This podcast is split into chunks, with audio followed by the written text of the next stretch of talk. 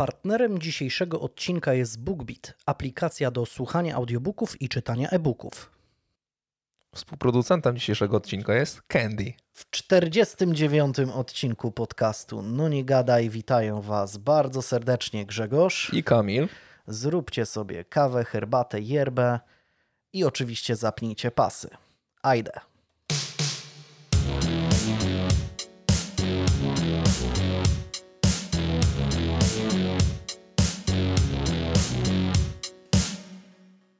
Przede wszystkim, jak tylko zaczęły się wakacje, to e, zaczęliśmy korzystać z aplikacji BookBeat. I o ile ja na przykład z e-booków korzystam na co dzień i od dawna, to z audiobookami nigdy jakoś nie miałem większej styczności. No ale jak, jak się okazało, te, te, te książki w formacie audio, na przykład w moim wypadku podczas podróży samochodem czy spacerów e, ze słuchawkami w uszach bardzo dobrze się sprawdziły. Nie wiem, jak, e, jak to było w Twoim e, wypadku. Nie no, to jest, to, jest, to jest mega super, jak się potrafisz, szczególnie jak się potrafisz skupić na dwóch czynnościach naraz, a osoby, które słuchają podcastu najczęściej potrafią to robić, bo jak wiemy, nasi słuchacze często, często słuchają podcastu i nie wiem, szydełkują, szydełkują malują, sprzątają, tak. nie? Gdzieś wchodzą na jakieś góry, gdzieś tam, wiesz, mielą mąkę w wiatraku jakimś czy cokolwiek takiego. Więc w takim przypadku to jest idealna aplikacja, nie? Żeby, żeby zrobić pożyteczne rzeczy, tak? I przy okazji pożytecznych rzeczy się dowiedzieć i, i usłyszeć, tak? Dobrze się bawić tak naprawdę. Tak, no nawet jeśli mielisz mąkę w wiatraku gdzieś oddalonym i schowanym za drzewami i górami i nie ma akurat zasięgu, to BookBeat też ma dla ciebie rozwiązanie i możesz sobie ściągnąć. Jak chcesz wyjechać w Bieszczady na przykład też. Tak, tak. Jeśli akurat jesteś w wiatraku w Bieszczadach, to możesz sobie przedtem, e, się, możesz się przygotować, ściągnąć e, audiobooka na telefon i nawet jeśli nie masz zasięgu, jesteś w totalnej głuszy, to możesz sobie słuchać, e, słuchać audiobooków i to jest bardzo, bardzo fajne rozwiązanie. To samo możesz zrobić z e-bookami, e, bo przecież e, BookBeat jest e, aplikacją do słuchania audiobooków i czytania e-booków.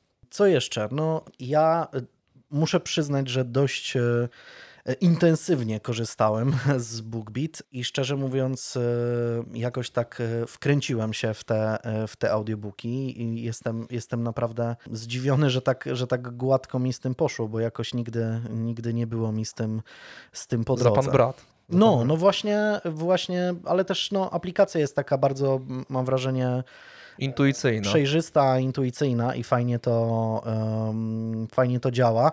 Poza tym nawet jeśli się nie można odnaleźć w tych tam setkach tych książek, to ona po jakimś czasie widzi, co tam sobie przeglądasz i rekomenduje też Poza tobie... tym tam jest fajnie to skategoryzowane, nie? że tam masz też opcję, ten true crime, tak? Jest, tak, jest, jest tak, tak. specjalny, specjalna zakładka na to, co jest I, i true crime, y, i true crime, i kryminały, i takie, mm, to znaczy są kategorie takie klasyczne, jak w księgarni tak. czy w bibliotece, ale są też takie bardziej powiedzmy nietypowe, na jeden wieczór, czy mhm. feel good, na przykład jak chcesz sobie jakieś takie przyjemne, sympatyczne historie po, poczytać czy posłuchać, to, to też e, tutaj e, BookBeat e, wyciąga do ciebie do ciebie rękę i bardzo mi się to bardzo mi się to podoba, bo nie zawsze myślisz, że chcesz nie wiem, posłuchać czy poczytać e, kryminał, czy chcesz posłuchać, poczytać, nie wiem, reportaż, ale na przykład chcesz się dobrze poczuć, czy chcesz, nie wiem, sobie jakoś miło spędzić czas, a niekoniecznie słuchać o jakichś różnych strasznych rzeczach, e, to, to tutaj jest to, jest to bardzo, bardzo fajna E, rzecz.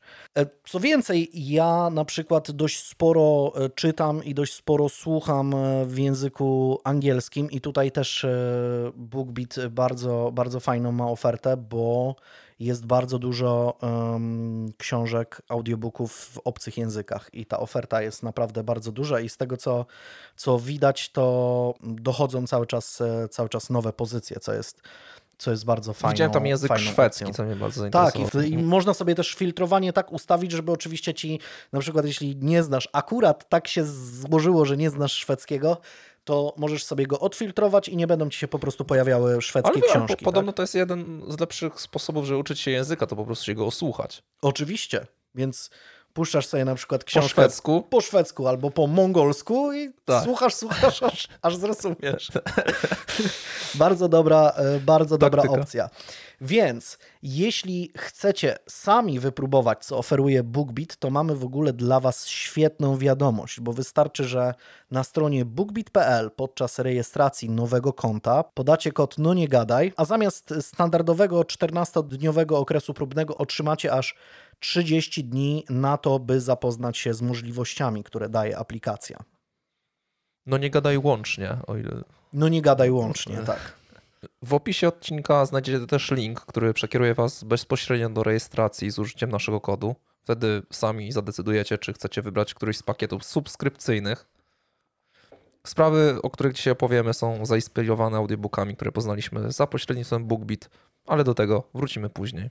Skoro już e, powiedzieliśmy o tym, jak e, spędziliśmy ostatnio czas i jak umilała nam e, czas aplikacja z audiobookami i e-bookami BookBeat, to co tam słychać poza tym? Poza tym, co słychać? Zależy, wiesz, wspominaliśmy w, tym, o tym BookBeacie, o tych kategoriach, to byś musiał mi też podać, jaka kategoria, tak jak w kalamburach, nie? Że nie można powiedzieć kategoria świat na przykład i wtedy, wiesz...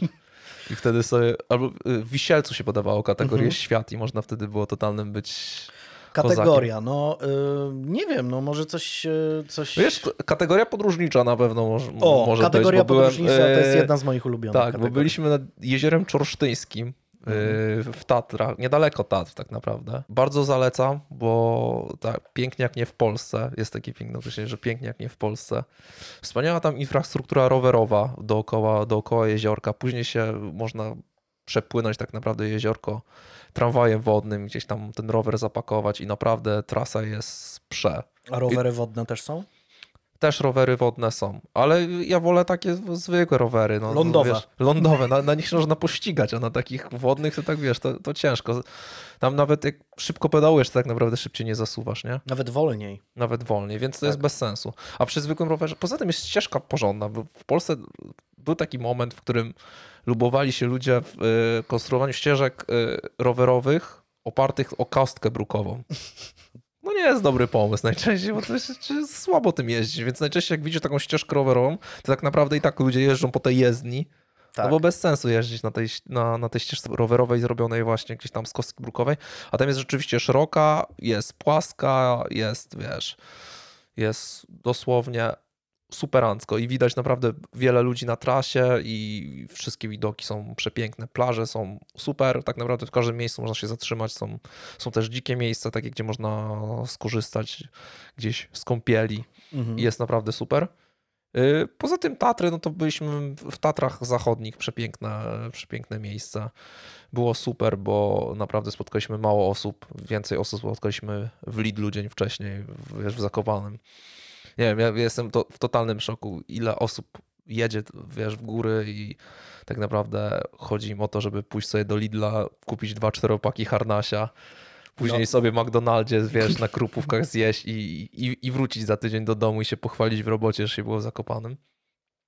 Dziwne, ale wiesz, rozumiem. W zeszłym roku, w zeszłym roku rozmawialiśmy o, o międzyzdrojach i po, po, podobne miałem spojrzenie na to i teraz widzę to też po, po Zakopanym. Ale Zakopane jest o tyle fajniejsze, że rzeczywiście jeżeli masz góry, to znajdziesz tam miejsce, w którym będziesz tak naprawdę sam w tej głuszy i, i, i, będziesz się świetnie bawił, jeżeli chcesz doładować baterię byciem tak naprawdę, obcowaniem z naturą i tylko z najbliższymi osobami, z którymi się wybierasz. No, jeśli chodzi o, o, o kategorię podróżniczą, to y, ja wyjątkowo y, ostatnio byłem nad morzem bo tak ogólnie to nie jestem fanem plażowania. Ja i... jestem, jestem fanem plażowania w okresie tak gdzieś bardziej zimowym, jesiennym, wczesnowiosennym, gdzie jest pusto na plaży. Czyli żeby sobie pospacerować po Pospacerować. Nie, po że z kocykiem, nie, nie, właśnie nie. morsowanie i tak dalej. Nie, nawet morsowanie też nie. Chociaż ostatnio byłem w Mielnia, to jest podobno stolica. stolica. Nawet stolica. jest pomnik morsa. Tak, tak. Tak, to jest stolica. Nie morsowałem, znaczy jakbym morsował, to bym się tym pochwalił, ale nie studujemy prawa. Ja byłem w miejscowości Dębki, e, niedaleko Wejherowa, Karwi, tamte rejony. I muszę przyznać, że jest to bardzo przyjemna miejscowość, bo nie jest takim typowym kurortem nadmorskim, więc oczywiście jedno czy dwa stoiska z kręconym ziemniaczkiem Ojej, były, no bo to a, wiadomo. A bokserek jakiś taki, żeby sobie sprawdzić był, siłę uderzenia? Był, był, ale mam wrażenie, że albo byłem w, jak, w, jakimś takim wyjątkowo dobrym, dobrym humorze podczas tego pobytu, albo, albo faktycznie tak było, że mm, to natężenie tego takiego ogólnego nadmorskiego dziadostwa nie było aż takie duże i naprawdę, naprawdę fajne miejsce, bo nie było aż tyle ludzi, a przecież no jest powiedzmy sezon, tak? Poza tym byłem zaskoczony natężeniem różnego rodzaju celebrytów w tamtym mieście. Widziałem co najmniej kilka takich znanych ludzi i, i, i, nie wiem, czy oni mieli akurat jakiś zlot celebrycki. zlot znanych ludzi. to nie wiem. Nie wiem, że nie chcę tutaj wymieniać z imienia i nazwiska, bo może sobie nie życzą, to znaczy no nie chcę też tutaj mówić, kto gdzie sobie spędza wakacje i tak dalej. No ale powiedzmy aktorzy, jacyś różni znani, znani y, ludzie tam z jakiegoś powodu bywają. Poza tym podobno rezydencję tam ma też kilka znanych y, osób, to znaczy jakieś tam domy takie letniskowe, dość pokaźnych rozmiarów, e, więc nie, nie, wiem dlaczego akurat tam, bo to nie jest takie, no, no nie jest to jakiś właśnie kurort czy coś takiego, ale może właśnie dlatego, że to nie jest kurort, to, to, to, to no, znaleźli sobie taki no Wiesz, no na pewno to jest jeszcze tym, tym bardziej przyjemne dla osób, które wiesz, gdzieś tam otoczone są gdzieś no nie, no paparazzi może nie, w Polsce to aż tak, aż tak mocno to nie działa. Aż tak nie, ale mimo wszystko... Ale ci ludzie, wiesz, gdzieś tu ktoś po czterech harnaziach do ciebie podchodzi i chce zdjęcie, no to mhm. tak, no, no nie do końca.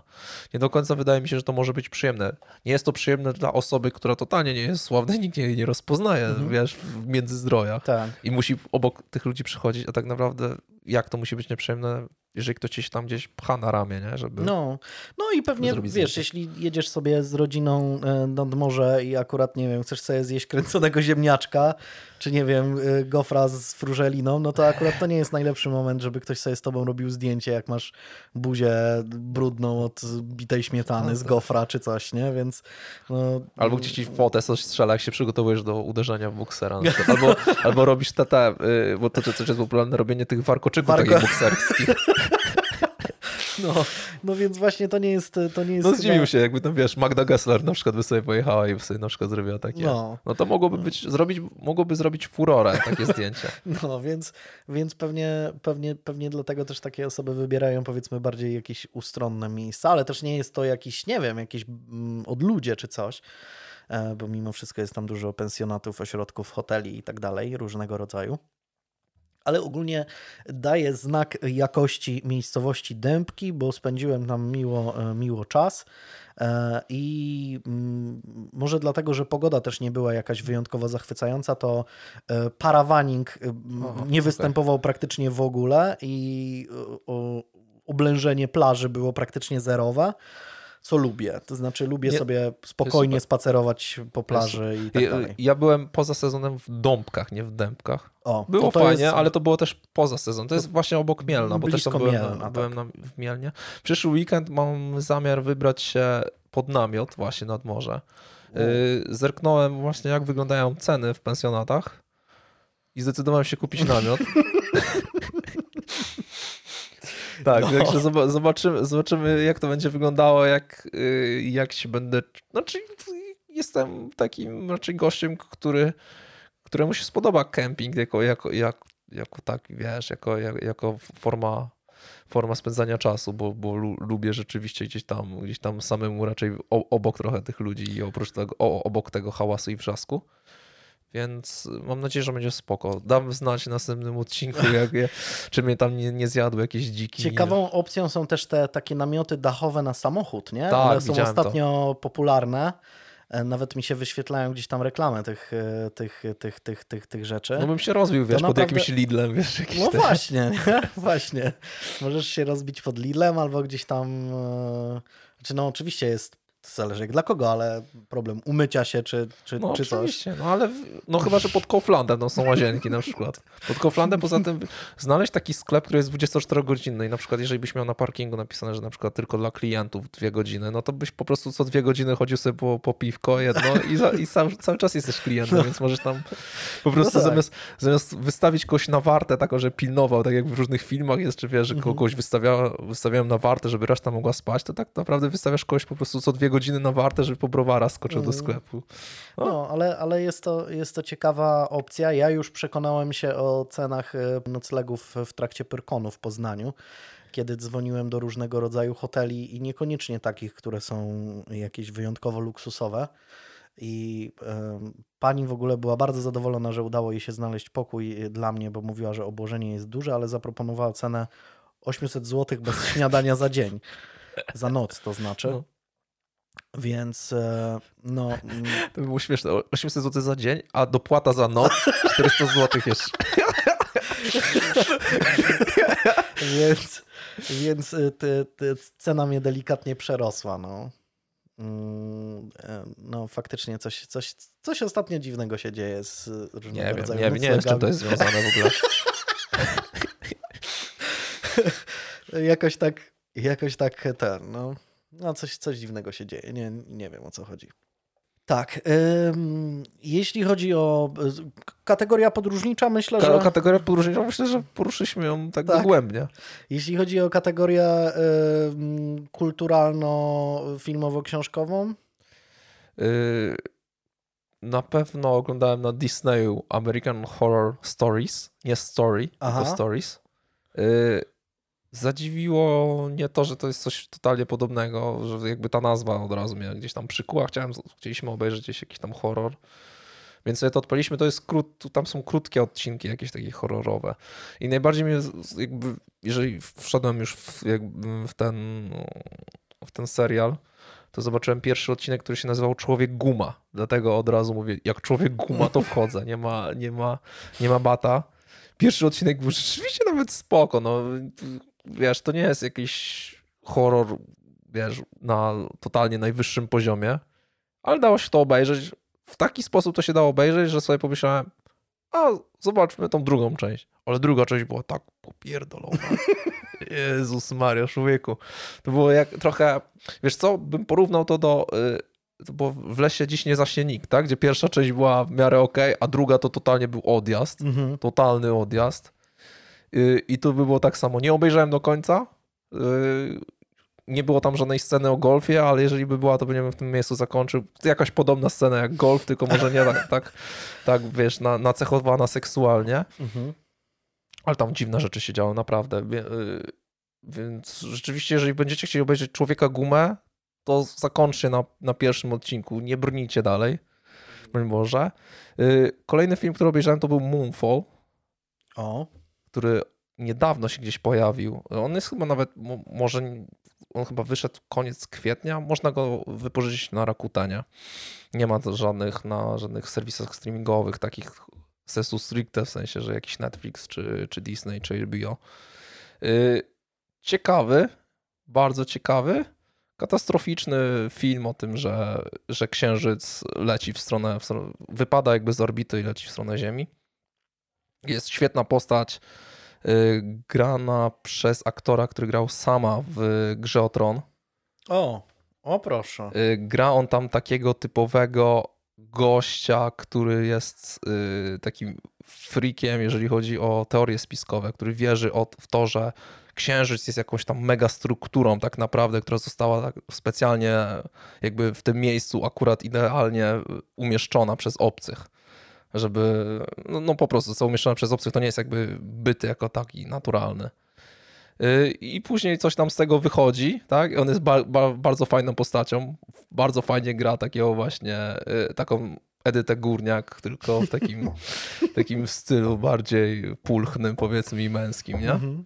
Naprawdę, naprawdę ta postać jest spoko. Później bardzo mocno odjechali, bo rzeczywiście poszli w tą teorię spiskową lekko. Mhm. Nawet nie lekko, powiedziałbym, że dosyć mocno. Więc początek jest ok, później, gdy już, już za bardzo gdzieś tam się wkręcają w te takie yy, sfery, trochę wiesz, 5G i foliowe czapki, to już mi mniej przestało się podobać, ale ogólnie jako, jako film, jako gdzieś tam zdjęcia, naprawdę gdzieś te katastroficzne, wiesz, yy, ujęcia, że wiesz, że leci jakiś tsunami, cokolwiek, wiesz, ten księżyc się zbliża do ziemi, to naprawdę, naprawdę przyjemnie się oglądało, więc, więc można, można polecić, jeżeli będzie po taniości gdzieś tam wyróżnia w tym Rakutenie. Jeśli, jeśli chodzi o dziwne filmy, to ja ostatnio natrafiłem na zwiastun e, filmu o Kubusio Puchatku, który niedługo e, ma się pojawić e, w kinach. Jest to film Winnie the Pooh, Blood and Honey. O. I tak horrorowo według, też brzmi. Według opisu jest to reinterpretacja historii Kubusia Puchatka, który wraz z prosiaczkiem zejdzie na morderczą ścieżkę po tym, jak Krzyś porzuci ich jadąc do koledżu. W związku z tym, że bohaterowie sami musieli nauczyć się zdobywać pożywienie, stali się dzikimi zwierzętami. E, I co więcej, podobno jedną z ofiar e, Kubusia i Prosiaczka ma stać się Kłapouchy. W ogóle to jest moja ulubiona postać z uniwersum Kubusia Puchatka. Myślę, że wielu. Trochę, trochę może być to dla mnie e, smutnym doświadczeniem, ale autentycznie muszę zobaczyć ten, ten film. Zwiastun wygląda totalnie przedziwnie. Ale to jest I... w konwencji jakiejś takiej animowanej? Co, nie, nie, nie. To jest film normalnie aktorski. Okay. Kubusi... I kto gra Kubusia Puchatka? Nie wiem, kto konkretnie go gra, ale są ci aktorzy są w takich kostiumach jakby. Mm, I wygląda to bardzo dziwnie. Mm, polecam sobie zobaczyć e, zwiastun. E, myślę, że będzie to naprawdę zdrowo popierdolone, ale to mm, to nie znaczy, że będzie, będzie złe, bo to mimo wszystko zawsze jakaś rozrywka. Jeśli chodzi o dalej o kategorię y, kulturalną, to właśnie na Bookbicie przesłuchałem y, książkę Pudło opowieści z polskich więzień autorstwa Niny Olszewskiej. E, I jest to naprawdę bardzo ciekawa, bardzo ciekawa pozycja, bo też trochę odkłamuje takie mity związane z więzieniem i niektóre takie nasze wyobrażenie o więzieniach, między innymi, nie wiem, z symetrii, tak, czy z ogólnie takich gdzieś tam opowiadań o tym, jak w więzieniu nie, jest. Teraz się już nie wygląda. gituje, teraz się już nie gituje. No właśnie, sporo tam jest różnych takich historii e, ludzi siedzących za mniej lub bardziej poważne przestępstwa, którzy też opowiadają o tym, jak zmieniło ich więzienie, jak e, postrzegają swój pobyt w więzieniu i tak dalej. Oprócz tego jest sporo takich ciekawostek związanych jakby z samą taką logistyką więzienną, typu mm, nie wiem, jakieś wyżywienie, które też jest takim mitem, że tam w ogóle nie wiadomo co jest do jedzenia i tak dalej i nie wiadomo jakimi przywilejami cieszą się więźniowie. Mm, to naprawdę warto, warto sobie posłuchać, bo niektóre historie są tak i śmieszno, i straszno, czyli i można się momentami wzruszyć niektórymi historiami i można się nieźle rozbawić, jak tam opowiadają o, o, o niektórych e, swoich doświadczeniach ci e, ludzie. Co więcej, e, zarówno kobiety, jak i mężczyźni, więc, więc no, no są obie te perspektywy widoczne. E, więc e, naprawdę, no moim zdaniem, e, moim zdaniem warto. Bardzo, bardzo przyjemnie się tego, się tego słuchało. Coś jeszcze o innych książkach, które słuchałem, to powiem Wam zaraz, bo było ich dużo, ale, ale są związane spra ze sprawą, o której, o której opowiem. Um, jeszcze jakieś rzeczy? Nie, chyba, chyba możemy przejść. Ostat, os, ostatnio nasze bajdurzenie było bardzo długie, więc możemy teraz oszczędzić. E, dobra, no to w takim razie w takim razie przechodzimy prosto do sedna.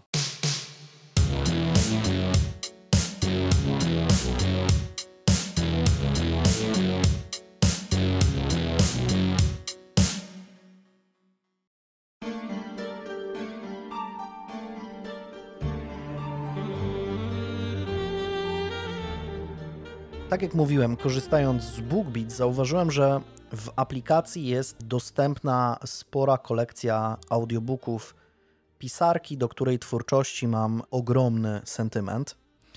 E, to skłoniło mnie w końcu do pochylenia się nad sprawą, o której tak naprawdę chciałem opowiedzieć Wam już e, od dawna. W jednym z odcinków rozmawialiśmy na temat mistrza grozy i horroru Edgara Alana Poe i historii jego życia, a przede wszystkim dziwnych i tajemniczych okolicznościach jego śmierci. Myślę, że o ile Poego faktycznie można uznać za prekursora i króla powieści kryminalnej, to miano królowej przysługuje jednej osobie i myślę, że wszyscy mamy teraz w głowie tylko tę osobę. I jest to urodzona 41 lat po śmierci Edgara Agata Christie. Na BookBeat możecie posłuchać kilkanaście jej powieści kryminalnych, w tym słynną Śmierć na Nilu w nowym tłumaczeniu Roberta Ginalskiego. Jest to dosłownie audiobook sprzed chyba miesiąca, e, świeża, świeża rzecz, bo to jest też świeże e, tłumaczenie. Ale też na przykład moją ulubioną powieść Agaty Christie jest to Zabójstwo Rogera Ackroyda, który zresztą podczas wakacyjnego wyjazdu przesłuchałem z ogromną przyjemnością, bo naprawdę jest to świetna książka. Nie jest tak popularna jak na przykład Morderstwo w Orient Expressie, czy, czy właśnie Śmierć na Nilu, bo one na przykład też zostały ostatnio e, zekranizowane z takim powiedzmy dość sporym rozmachem. Ale mm, moim zdaniem najlepszą powieścią Agaty Christie jest Zabójstwo Rogera Ackroyda i można posłuchać tej e, historii, tej e, świetnej powieści właśnie w aplikacji BookBeat. Zasługi Agaty Christie dla całego gatunku powieści kryminalnej są oczywiście nie do przecenienia, ale przecież nie znalazłaby się w naszym odcinku, gdyby nie pewien bardzo tajemniczy incydent z jej życia. Ale po kolei. Agata Mary Clarissa Miller jest trzecim dzieckiem Frederika i Clarissy Millerów i przychodzi na świat 15 września 1890 roku w mieście Toki w hrabstwie Devon w południowo-zachodniej Anglii. Narodziny mają miejsce w posiadłości Ashfield, należącej do małżeństwa Millerów. Nie są oni może bogaczami na ówczesne warunki, ale dzięki sporemu spadkowi, który Frederick odziedziczył po swoim ojcu, mogą spokojnie żyć i nie, nie czuć potrzeby podejmowania pracy zarobkowej. Co ciekawe, Frederick jest y, pasierbem ciotki Clarisy, w wyniku czego rodzice małej Agaty są tak naprawdę kuzynostwem, jednak no, oczywiście nie łączą ich więzy krwi. Są kochającym się małżeństwem i poświęcają swoim pociechom i ich rozwojowi dużo czasu. Przyszła królowa kryminału jest przy okazji dzieckiem o bardzo bujnej wyobraźni. Jedną z jej ulubionych zabaw jest na przykład e, zabawa z kociętami, które są wyłącznie wytworem jej umysłu. Agata na początku nie idzie do szkoły, ale uczy się w domu. Jej matka, zgodnie z ówczesnymi standardami, jest zdania, że dziecka nie powinno się uczyć czytania przed ósmym rokiem życia. Mała dziewczynka jednak nie podziela zdania matki i mając zaledwie 5 lat potrafi już rozpoznawać nie tyle litery, co kształty całych słów, co pozwala jej dość sprawnie czytać. Dla odmiany ojciec, ucząc jej podstaw e, matematyki, zauważa, że Agata jest wyjątkowo pojętnym dzieckiem i radzi sobie nawet ze skomplikowanymi jak na jej wiek zadaniami. Z czasem jednak zasoby finansowe Frederika Millera dość mocno się kurczą. Jednocześnie staje się on coraz bardziej chorowity, prawdopodobnie w wyniku schorzenia związanego z utratą odporności. Ówcześni lekarze nie są w stanie powiedzieć, co dokładnie mu dolega. W końcu pewnego chłodnego dnia ojciec Agaty dostaje obustronnego zapalenia płuc i w wyniku tego schorzenia umiera 28 listopada 1901 roku, mając zaledwie 55 lat. Przez pewien czas nad Millerami wisi groźba sprzedaży rodzinnej posiadłości, ale rok później Match, starsza siostra Agaty, wychodzi za mąż za Jamesa Wattsa, najstarszego syna bogatego fabrykanta z Manchesteru, co istotnie poprawia sytuację rodziny. Mała Agata zaprzyjaźnia się szczególnie z młodszą siostrą pana młodego, Nan Watts. Do końca życia będzie jej najlepszą przyjaciółką i powierniczką tajemnic. Ebony Hall, rezydencja rodziny Wattsów, w którym przyszła pisarka spędza sporo czasu, do tego stopnia wyraźnie zapisze się w jej pamięci, że wielokrotnie będzie odtwarzać jej wiktoriański charakter w swoich powieściach, takich jak Boże Narodzenie Herkulesa Poirot albo Tajemnica rezydencji Chimneys. W latach szkolnych Agata zastanawia się nad dziedziną, której mogłaby się poświęcić. Między innymi rozważa zostanie pianistką, ale jej nauczyciele twierdzą, że nie dysponuje wystarczającym talentem, by móc się z tego utrzymać. W 1908 roku pewnego zimowego dnia kuruje się w domu po przejściu grypy i dla zabicia czasu zaczyna pisać. Powstaje z tego historia pod tytułem Snow Upon the Desert. Um, oprócz tego pisze też kilka krótkich opowiadań. Za namową Clarisy pierwsze próby literackie Agaty ocenia znany pisarz, a jednocześnie sąsiad Millerów, Eden Philpotts. Mężczyzna, nie zniechęcając osiemnastolatki, udziela jej wielu cennych rad. Nie zmienia to jednak faktu, że wszystkie wczesne dzieła przyszłej królowej kryminału są odrzucane przez potencjalnych wydawców. 12 października 1912 roku podczas balu tanecznego w Devon Agatę do tańca prosi rok starszy, wysoki i przystojny porucznik Archibald Christie. Dziewczyna jest zauroczona nie tylko wyglądem młodzieńca, ale też jego inteligencją i żywiołowością. Archie, bo tak zwracają się do niego przyjaciele, nie jest zresztą zwykłym żołnierzem, a członkiem elitarnego królewskiego korpusu lotniczego, utworzonego zaledwie kilka miesięcy później. Później powstanie z tego słynny RAF. Uczucie nie jest jednostronne. Młody lotnik od pierwszego wejrzenia zakochuje się w kobiecej i powściągliwej dziewczynie. Archie kuje żelazo póki gorące i niecałe trzy miesiące po spotkaniu są już zaręczeni. Gdy w sierpniu 1914 roku wybucha wojna, chłopak zostaje wysłany do Francji. Podczas przepustki w Wigilię tego samego roku para bierze ślub i Agata Miller staje się w końcu Agatą Christie. Nowożeńcy nie mogą się za długo nacieszyć sobą, bo zaledwie dwa dni później Archie musi wracać na front. Podczas wojny Agata pracuje dla Czerwonego Krzyża, najpierw jako ochotniczka pielęgniarka, a później jako asystentka aptekarza. Wtedy w wolnym czasie czyta opowiadania detektywistyczne i zauważa, że dają jej one odrobinę relaksu i eskapizmu, co choć na chwilę pozwala jej przestać martwić się o swojego męża na wojnie. W tym czasie planuje też napisanie swojego pierwszego kryminału. Inspirację czerpie przede wszystkim z własnego życia. Wykorzystuje wiedzę zdobytą podczas kursu aptekarskiego, która nie ogranicza się tylko do leków, ale też do różnego rodzaju trucizn. Dla odmiany duży napływ uchodźców z Belgii i kontakt z belgijskimi żołnierzami, którym udziela pomocy jako pielęgniarka, rodzi w jej głowie pomysł na głównego bohatera. Jest nim Hercules Poirot, były belgijski policjant, który trafia do Anglii jako uchodźca i rozpoczyna karierę detektywa.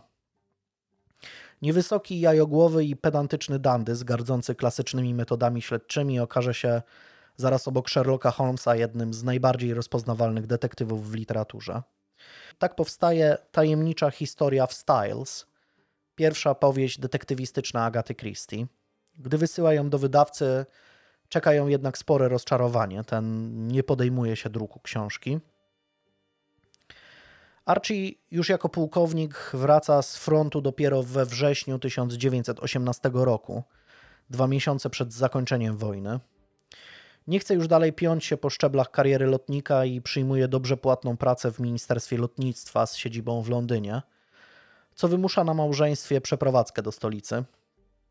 Gdy Agata mówi Archiemu, że jest w ciąży, ten nie ukrywa rozczarowania. Dzieli się przy tym swoimi przemyśleniami – Przede wszystkim ma nadzieję, że urodzi im się córka, bo twierdzi, że o syna będzie zazdrosny. Poza tym jest pełen obaw co do tego, że ciało jego atrakcyjnej żony może nie być już tak piękne. 5 sierpnia 1919 roku przychodzi na świat mała Rosalind.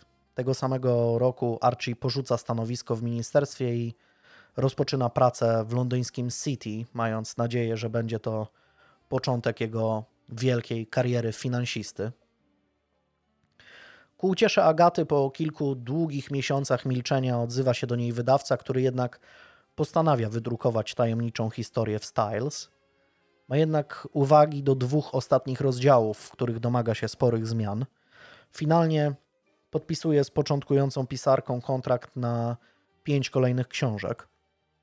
Agata jest tak zachwycona obrotem spraw, że nawet nie skupia się na szczegółach dotyczących terminów oraz e, wynagrodzenia. Tajemnicza historia w Styles finalnie pojawia się w e, amerykańskich księgarniach pod koniec 1920 roku, a w Wielkiej Brytanii dopiero w 1921. Łączna sprzedaż tytułu nie przekracza 2000 egzemplarzy, co jak na tamte czasy nie jest wcale tak słabym wynikiem. Zgodnie z zapisami kontraktu Agata otrzymuje za tę powieść 25 funtów, co w przeliczeniu na dzisiejszy kurs brytyjskiej waluty dałoby niecałe 1500 funtów. I druga książka pod tytułem Tajemniczy Przeciwnik zostaje wydana w 1922 roku. Tym razem głównymi bohaterami jest małżeństwo detektywów Tommy i Tuppence Beresford, którzy w rzeczywistości są wyidealizowanymi wersjami Archiego i Agaty. Powieść również sprzedaje się całkiem dobrze, a pisarka otrzymuje tym razem zapłatę w wysokości 50 funtów. Tego samego roku małżeństwo Christich udaje się w podróż dookoła świata wraz z ekipą promującą wystawę Imperium Brytyjskiego, która ma zostać otwarta za dwa lata. Archie ma tam rolę doradcy finansowego.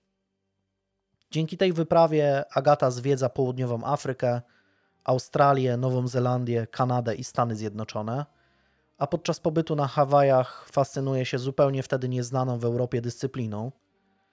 Według badaczy historii sportu Agata Christie była jedną z pierwszych Brytyjek, które spróbowały swoich sił w surfingu. Podróżnicza sielanka jednak nie trwa wiecznie. Gdy małżeństwo wraca do Londynu, okazuje się, że Stanowisko Archiego zostało pod jego nieobecność obsadzone i musi na nowo szukać pracy. W maju 1923 roku zostaje wydana kolejna powieść pisarki pod tytułem Morderstwo na polu golfowym, w której znowu głównym bohaterem jest Hercules Poirot. Ich nie najlepszą sytuację finansową tego samego miesiąca reperuje nieco fakt, że Agata w konkursie zorganizowanym przez gazetę Daily Sketch poprawnie typuje mordercę w publikowanej przez nich odcinkowej historii kryminalnej. Nie udaje jej się niestety wygrać głównej nagrody 1300 funtów, a jedynie część z drugiej nagrody 800 funtów, która zostaje podzielona między 12 innych uczestników, co i tak stanowi kwotę większą niż wypłata za tajemniczego przeciwnika. Niepowodzenie związane z poszukiwaniem pracy przez Archiego prowadzi do napięć między małżonkami. Nieznoszący porażek mężczyzna przelewa często swoje frustracje na żonę, która w tym czasie jest e, jedyną żywicielką rodziny. Agata w listopadzie 1923 roku kończy swoją kolejną powieść pod tytułem Mężczyzna w brązowym garniturze, która pojawi się w księgarniach niecały rok później. Historia ma sporo odniesień do odbytej przez Christich podróży. Akcja kryminału rozgrywa się m.in. w Kapsztadzie, Bulawayo, w Zimbabwe, a także na fikcyjnej afrykańskiej wyspie Zambezji. Na kartach powieści nie trudno dostrzec refleksje autorki dotyczące jej życia małżeńskiego, przelane w postać e, jej głównej bohaterki, mm, Anne Bedingfeld, rozmyślającej o sprawach damsko-męskich. Mniej więcej w tym samym czasie Archie w końcu znajduje pracę, a ich relacje nieco się poprawiają. Nie zmienia to jednak faktu, że mężczyźnie wyraźnie nie podoba się rosnące zainteresowanie twórczością jego żony, która staje się coraz bardziej rozpoznawalna i ceniona. Agata jednak nie zwalnia, podpisuje umowę z gazetą Evening News na odcinkową publikację Mężczyzny w brązowym garniturze, za co otrzymuje niemałą wypłatę 500 funtów. Zaraz po otrzymaniu pieniędzy kupuje sobie za kwotę 225 funtów czteromiejscowy samochód marki Morris Cowley. Niejednokrotnie będzie grała na nosie zazdrosnemu mężowi, przypominając mu, że samochód kupiła za swoje własne pieniądze i jest on jej własnością. Auto daje jej poczucie niezależności, wielokrotnie jeździ na przejażdżki z matką, co sprawia im sporo radości. Na podobne wyprawy wybiera się też często ze znajomymi i swoimi dwoma fox terrierami, gdzie wspólnie piknikują na wrzosowiskach parku Dartmoor. Na początku 1924 roku Agata podpisuje lukratywny kontrakt z wydawnictwem Collins na trzy książki, pomimo tego, że wciąż obowiązuje ją umowa z poprzednim wydawcą, dla którego musi napisać jeszcze jedną powieść. Pisarka zarabia już bardzo dobrze, co pozwala jej na niezależność finansową od kapryśnego męża.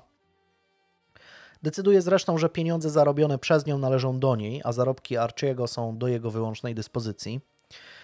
Taka sytuacja jeszcze bardziej prowadzi mm, do tego, że małżonkowie coraz bardziej się od, siebie oddalają. Mniej więcej w marcu 1925 roku, gdy Agata pracuje nad swoją kolejną książką pod tytułem Zabójstwo Rogera Ackroyda, Archie coraz więcej czasu spędza na polach golfowych w East Croydon. Tam też poznaje Nancy Neal, 25-letnią sekretarkę pracującą dla jednej z londyńskich firm. Agata nie zdaje sobie sprawy z rodzącego się romansu męża, ale czuje, że ich związek ulega widocznemu rozkładowi. Chcąc naprawić ich relacje, namawia Arciego na wspólny wyjazd e, we francuskie Pireneje do miejscowości uzdrowiskowej Coutre. Wakacje jednak niewiele zmieniają między małżonkami. Po powrocie Archie znów znika na niekończące się partie w golfa w towarzystwie Nancy. Gdy wraca do domu, wielokrotnie szydzi z żony, która nie może wrócić do swojej wagi sprzed ciąży. W czerwcu 1925 roku pisarka zamyka kontrakt z wydawnictwem Bodley Head, gdy w księgarniach pojawia się tajemnica posiadłości Chimneys. Tego samego roku zabójstwo Rogera Ackroyda pojawia się w Evening News, za co również inkasuje niemałą wypłatę. Wtedy też małżeństwo postanawia kupić wiejską rezydencję w miejscowości Sunningdale. Nazywają ją zresztą Styles na cześć miejsca akcji pierwszej powieści detektywistycznej pisarki. W tym czasie praktycznie wszyscy dookoła wiedzą o romansie Archiego, wszyscy oprócz Agaty. Nancy zresztą często przyjeżdża do Sunningdale, gdzie wielokrotnie spotykają się ze wspólnymi znajomymi.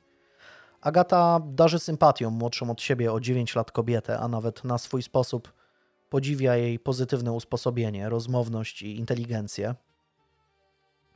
Dochodzi nawet do tego, że pisarka zaprasza kilkukrotnie Nancy na weekend w ich rezydencji w pierwszej połowie 1926 roku. Mniej więcej w tym samym czasie Agata, wciąż nieświadoma podwójnego życia Archiego, zaczyna sugerować mu, że chciałaby postarać się z nim o drugie dziecko. Po raz kolejny zresztą sięga po sposób e, z poprzedniego roku, który miał spowodować ich ponowne zbliżenie. Mianowicie oferuje mężowi wiosenny wyjazd na Korsykę. Archie tym razem twierdzi, że nie otrzyma wolnego z pracy, co oczywiście jest tylko wymówką. W wyniku tego rozgoryczona Agata oferuje wyjazd swojej siostrze, która przyjmuje zaproszenie. Nieobecność żony jest dla Artura idealną sytuacją do spotkań z Nancy, z czego bardzo chętnie korzysta. Krótko po powrocie z Korsyki pozornie spokojne życie Agaty wali się jak domek z kart. Wszystko zaczyna się od nagłej choroby jej matki. 72-letnia Clarissa na początku zdaje się dochodzić do zdrowia po poważnym zapaleniu oskrzeli, ale w pewnym momencie jej stan błyskawicznie się pogarsza. W wyniku powikłań umiera 5 kwietnia 1926 roku. Agata sama bierze udział w pogrzebie ze względu na fakt, że Archie w tym czasie przebywa na wyjeździe służbowym w Hiszpanii. Latem za namową męża pisarki wyjeżdża z ich wspólnego domu do rezydencji Ashfield, w której mieszkała Clarissa, by przeprowadzić tam porządki. Przed wyjazdem proponuje jeszcze mężowi, by zaraz po siódmych urodzinach córki 5 sierpnia wyjechali wspólnie do Włoch na wakacje. Prosi go jedynie o przygotowanie wszystkich szczegółów wyjazdu. Zamiast e, przygotowań do wczasów z żoną, Archie korzysta z większej swobody, by znów spotykać się z kochanką. W końcu na początku sierpnia jedzie do Ashfield, by porozmawiać z Agatą. Mówi jej, że jest zakochany w Nancy i że mają romans od półtora roku. Pisarka zupełnie nie jest przygotowana na ten cios. Wychowała się w domu, w którym rodzice kochali się bezwarunkowo, a samego Arciego miała za mężczyznę twardo stąpającego po ziemi, któremu nie w głowie jakieś romanse i zdrady. Próbuje nawet trzymać się nadziei, że Mąż pójdzie po rozum do głowy i wkrótce wróci z podkulonym ogonem.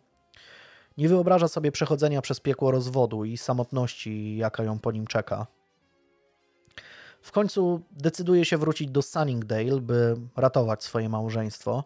Prosi męża o to, by dali sobie trzy miesiące, by przemyśleć całą sytuację. Na początku Archie faktycznie po kilku dniach mówi żonie, że być może podjął zbyt pochopną decyzję i przede wszystkim dla dobra córki powinni być dalej razem.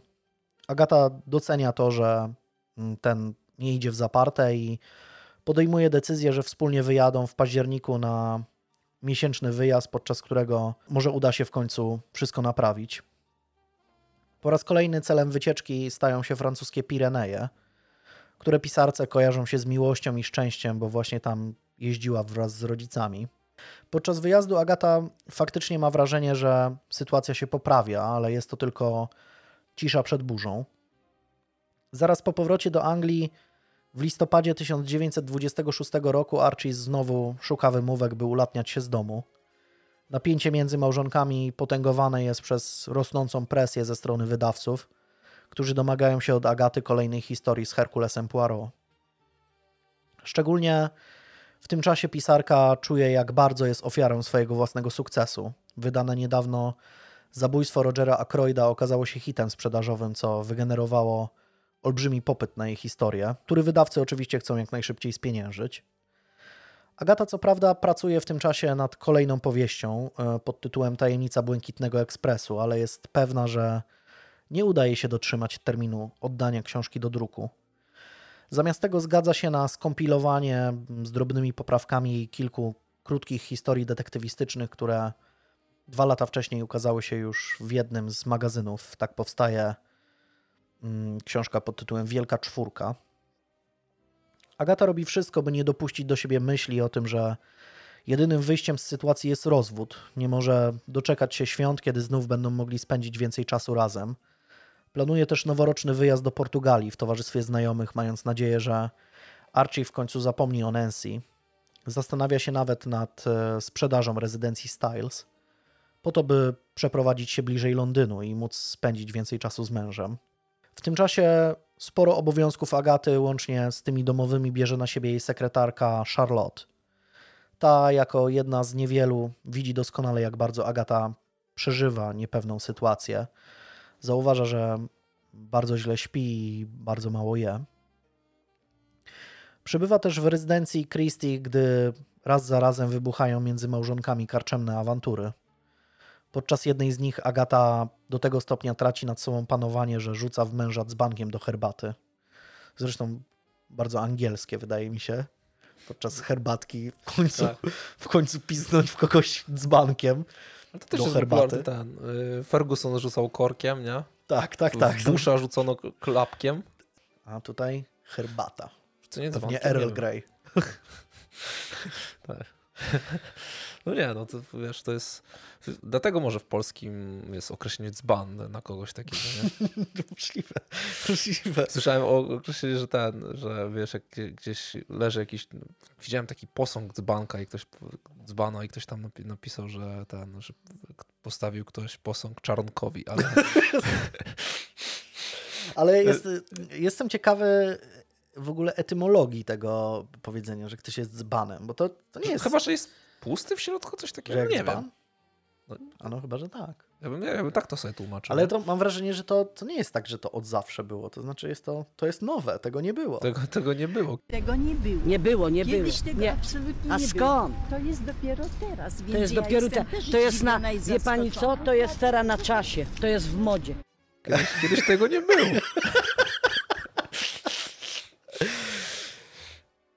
Piątkowy poranek 3 grudnia 1926 roku zaczyna się jak każdy inny. Kucharz podaje rodzinie śniadanie. Klasyczny angielski zestaw: jajka, fasola, kiełbaski i pomidory. Jesteś fanem takiego English breakfast? Mm, nie, ja w ogóle jestem mm, jestem bardziej śródziemnomorski, czyli kawka, max Aha. croissant i, ten, i później dopiero żołądeczek na, zapracuje. Na, na słodko raczej. Na słodko raczej, ale tak nie, żeby od razu się napchać, no, nie? No. Tak, tak jakimś takim tłustym no. To jak, jak Włosi, albo jak Francuzi, oni też no, podobnie. No, no, no, na przykład. No to ja tak bardziej niż, no. niż wiesz. To jest taki bardziej pod, pod, takiego, wiesz, rolnika, który musi w pole pójść, to musi się najeść wcześniej, tak, no. wiesz. To, to chyba wtedy, wtedy rzeczywiście to, to, to musi działać, nie? No, no, no tak, to znaczy w ogóle to ma takie źródło, nie? Że, że właśnie śniadanie było tym często jedynym w ogóle posiłkiem i, no i trzeba było się nażreć, nie? No tak. Właśnie fasola, no to, dlatego, że trzyma długo, tak, to znaczy sycąca bardzo. Nie, no dlatego mi chodzi, że ja bym miał inną, inny no styl, tak, no. styl pracy, styl życia, no to na pewno takie śniadanie mhm. by mi bardziej wchodziło, nie? A mhm. z racji, z racji że nie mam, mhm. to raczej tak się tak wypracował mój organizm bardziej, żeby, żeby ta kawka najpierw pierwszy ten łyk musnął moją duszę i dopiero wtedy możemy działać. Agata rozpoczyna rozmowę. Mówi, że chciałaby wyjechać na weekend do Beverly w hrabstwie North Yorkshire. E, jakieś trzy godziny jazdy w jedną stronę. Chce tam nieco odpocząć. Proponuje mężowi, by do niej dołączył. Archie ma jednak inne plany. Mówi żonie, że całą sobotę i niedzielę spędzi u swoich znajomych w Hartmore. Agata nie wytrzymuje, zaczyna krzyczeć na męża, rozpętując kolejną kłótnię. Końcu mówi, że jeśli ten nie zamierza spędzić z nią weekendu, to może liczyć się z tym, że gdy wróci do domu, jej już w nim nie zastanie. Archie jest przygotowany na wybuch. Spokojnie informuje Agatę, że nie ma już zamiaru przeciągać tego stanu i podjął ostateczną decyzję, by związać się z Nancy. Mówi, że niezależnie od woli żony i jej chęci współpracy wkrótce wniesie o rozwód. Nie czeka na riposta. Bierze ze stołu gazetę i wychodzi z domu, zostawiając zrozpaczoną kobietę samą. Nie mija wiele czasu, gdy Agata wsiada do swojego samochodu i nie informując o niczym służby ani sekretarki, gdzieś wyjeżdża. Wraca dopiero na lunch, który je w samotności. Zaraz po tym jednak ubiera córkę i jedzie tym razem do swojej teściowej, Peck Christie, mieszkającej w Dorking, odległym od Sunningdale o niecałe 50 km i jakąś godzinę jazdy. Podczas rozmowy z matką Archiego nie pojawia się temat porannej awantury małżeństwa. Agata nie chce rozmawiać o tym w obecności Rosalind. E, pisarka dzieli się ze swoją teściową planami wyjazdu do Beverly.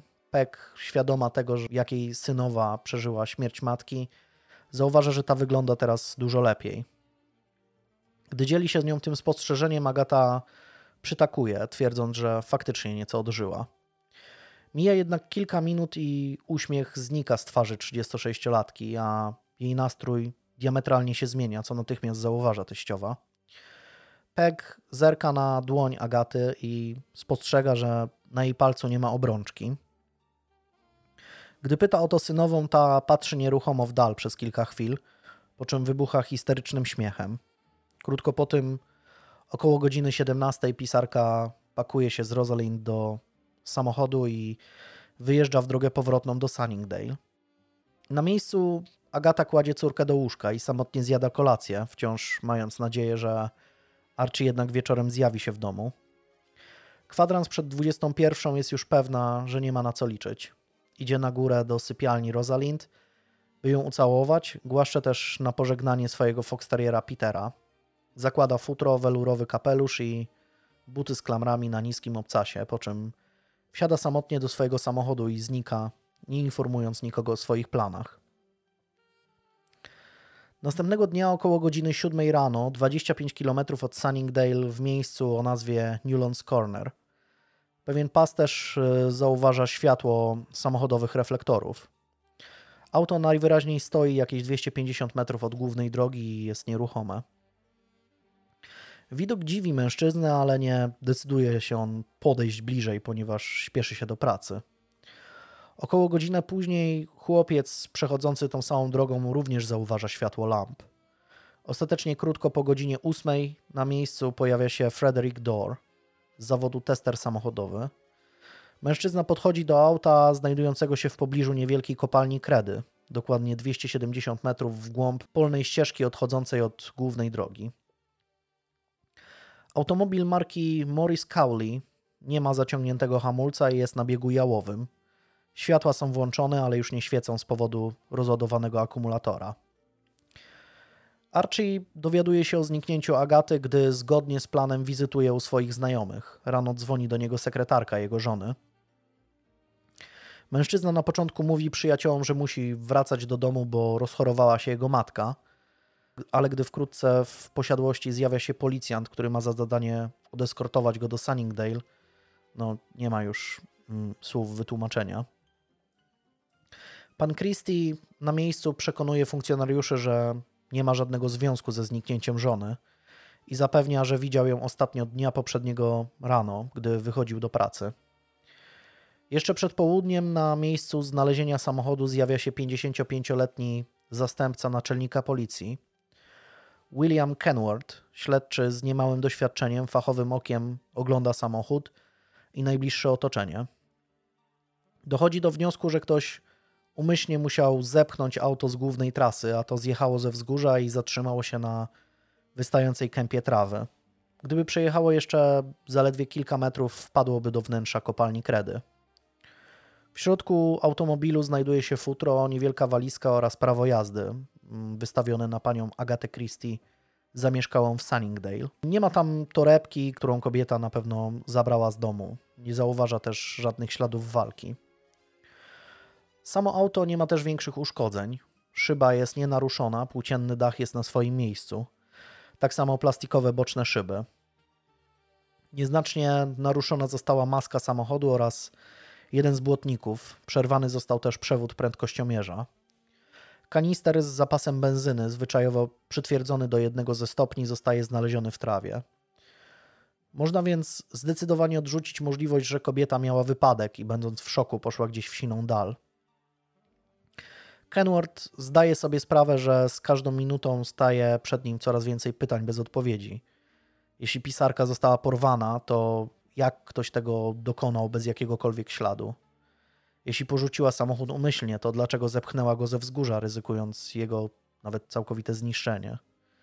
Jeśli postanowiła popełnić samobójstwo, to dlaczego oddaliła się 25 km od domu i po co wzięła ze sobą bagaż, którego finalnie i tak nie wzięła z samochodu? Nawet jeśli nie postanowiła odebrać sobie życia, to przecież prawdopodobnie w środku nocy poruszała się po nieoświetlonym, zdradliwym terenie w temperaturze bliskiej zeru, nie biorąc ze sobą nawet futra, co byłoby prostym przepisem na praktycznie błyskawiczne zamarznięcie i, lub przynajmniej poważną chorobę.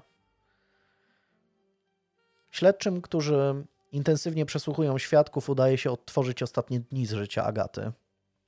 Wiedzą, że Zaginiona pisarka w poniedziałek grała w golfa razem ze swoją koleżanką panią Da Silva. We wtorek pojechały do Londynu na zakupy. Agata została na noc w stolicy, bo miała zaplanowane spotkanie ze swoim agentem następnego dnia rano. Mieli omówić zbliżającą się premierę Wielkiej Czwórki oraz opóźnienie w pisaniu jej kolejnej powieści z Herkulesem Poirot w roli głównej pod tytułem Tajemnica Błękitnego Ekspresu. Podpisała też już kontrakty na kolejne historie, co też chciała mówić z agentem. Agata wróciła do Sunningdale w czwartek wieczorem i krótko po tym razem ze swoją sekretarką Charlotte udała się do Ascot na dancing. Charlotte widziała ją po raz ostatni w piątek rano, jeszcze zanim doszło do kłótni między małżonkami. Miała wtedy wrażenie, że pisarka jest w dobrym humorze. W okolicach południa do posiadłości Christie zadzwoniła pani da Silva, chcąc umówić się z Agatą na wieczorną partyjkę brydża. Telefon jednak odebrała służąca, która poinformowała ją, że pani Christie nie będzie mogła jej odwiedzić. Charlotte ostatni raz telefonowała do pisarki krótko po godzinie 18. Rozmowa przebiegała normalnie i nie było słychać w jej głosie nic niepokojącego.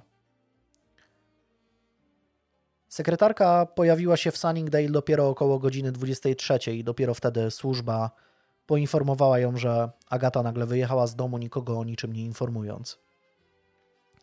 Pisarka zostawiła Charlotte list, w którym prosiła ją tylko o anulowanie rezerwacji w pokoju w Beverly, do którego miała się udać w ten weekend. Jednocześnie z listu miało wynikać, że ma poważne problemy i skontaktuje się z Charlotte następnego dnia, by powiadomić ją o swoich planach. Jeszcze w sobotnie popołudnie w okolicach miejsca, w którym znaleziono samochód, ruszają pierwsze poszukiwania. Kilkunastu funkcjonariuszy przeczesuje pobliskie zarośla, mając na celu odnaleźć jakiekolwiek ślady zaginionej.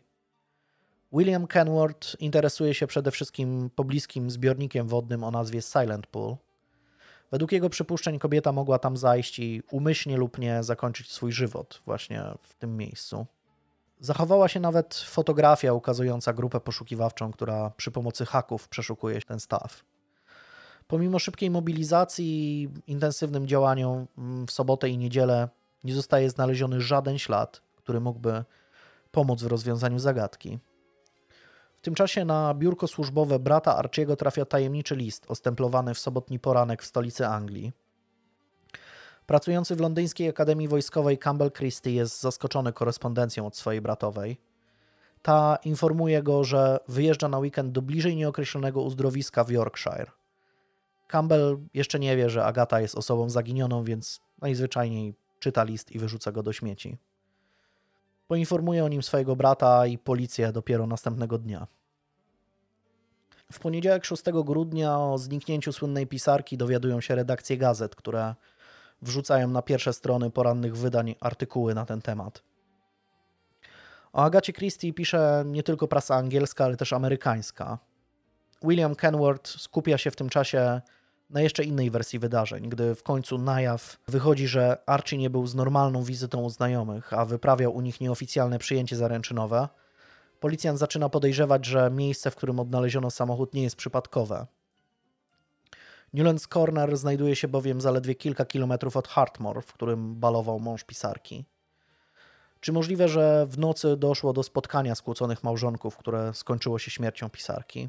Zdecydowanie innego zdania jest policja z hrabstwa Berkshire, która również zajmuje się śledztwem. Stojący na jej czele Charles Goddard jest przekonany, że pisarka żyje. Śledczy jest zdania, że w swoim życiu Agata niejednokrotnie miała skłonność do fantazjowania i przelewania treści swoich powieści do prawdziwego życia. Nie tylko nazwała swoją posiadłość tak samo jak dom z jednej ze swoich powieści, ale też uznała imię swojej sekretarki za zbyt pospolite, nazywając ją Karlą lub Carlottą, by brzmiało bardziej egzotycznie. To w ogóle fajnie tak. Camilotto na przykład dla Ciebie mogę mówić. No. Ale brzmi ten, lodorożki często takich jakichś biedronkach, czyli lecą, nie? Carletto czy coś takiego. No. Ma Marletto chyba? Marletto jest są jakieś takiego. Carletto, coś takiego, no. Camiletto. Cam Camilettini. No. Bardzo fajne, podoba mi się. Fajny pomysł. Fajny, no. Policjanci z Berkshire są zdania, że Agata postanowiła zagrać na nosie swojemu mężowi i zakończyć ich związek na jej zasadach, jednocześnie ujawniając jego romans z Nancy. Wraz z pojawieniem się informacji o zaginięciu pisarki dosłownie zewsząd spływają doniesienia o tym, że ktoś gdzieś ją widział. Oferowane przez różne gazety nagrody za wskazanie tropów prowadzących do odnalezienia Agaty tylko napędzają kolejnych rzekomych świadków. Jedne zgłoszenia są prawdopodobne, inne całkowicie absurdalne, ale wszystkie w miarę możliwości są weryfikowane przez śledczych. We wtorek prasa ujawnia też, że pisarka napisała do swojego szwagra list, w którym zapowiadała wyjazd do uzdrowiska w Yorkshire. Dziennikarze dwóch gazet reagują na te doniesienia, mm, odwiedzając wszystkie hotele i pensjonaty w hrabstwie, ale nie znajdują nikogo zarejestrowanego pod imieniem i nazwiskiem zaginionej. Policja z Sari zresztą podejrzewa, że list do Campbella jest fałszywką sfabrykowaną przez Archiego by oddalić od niego podejrzenia. W środę redakcja Daily News dowiaduje się, że mąż pisarki jest głównym podejrzanym w sprawie, więc powstaje na ten temat artykuł.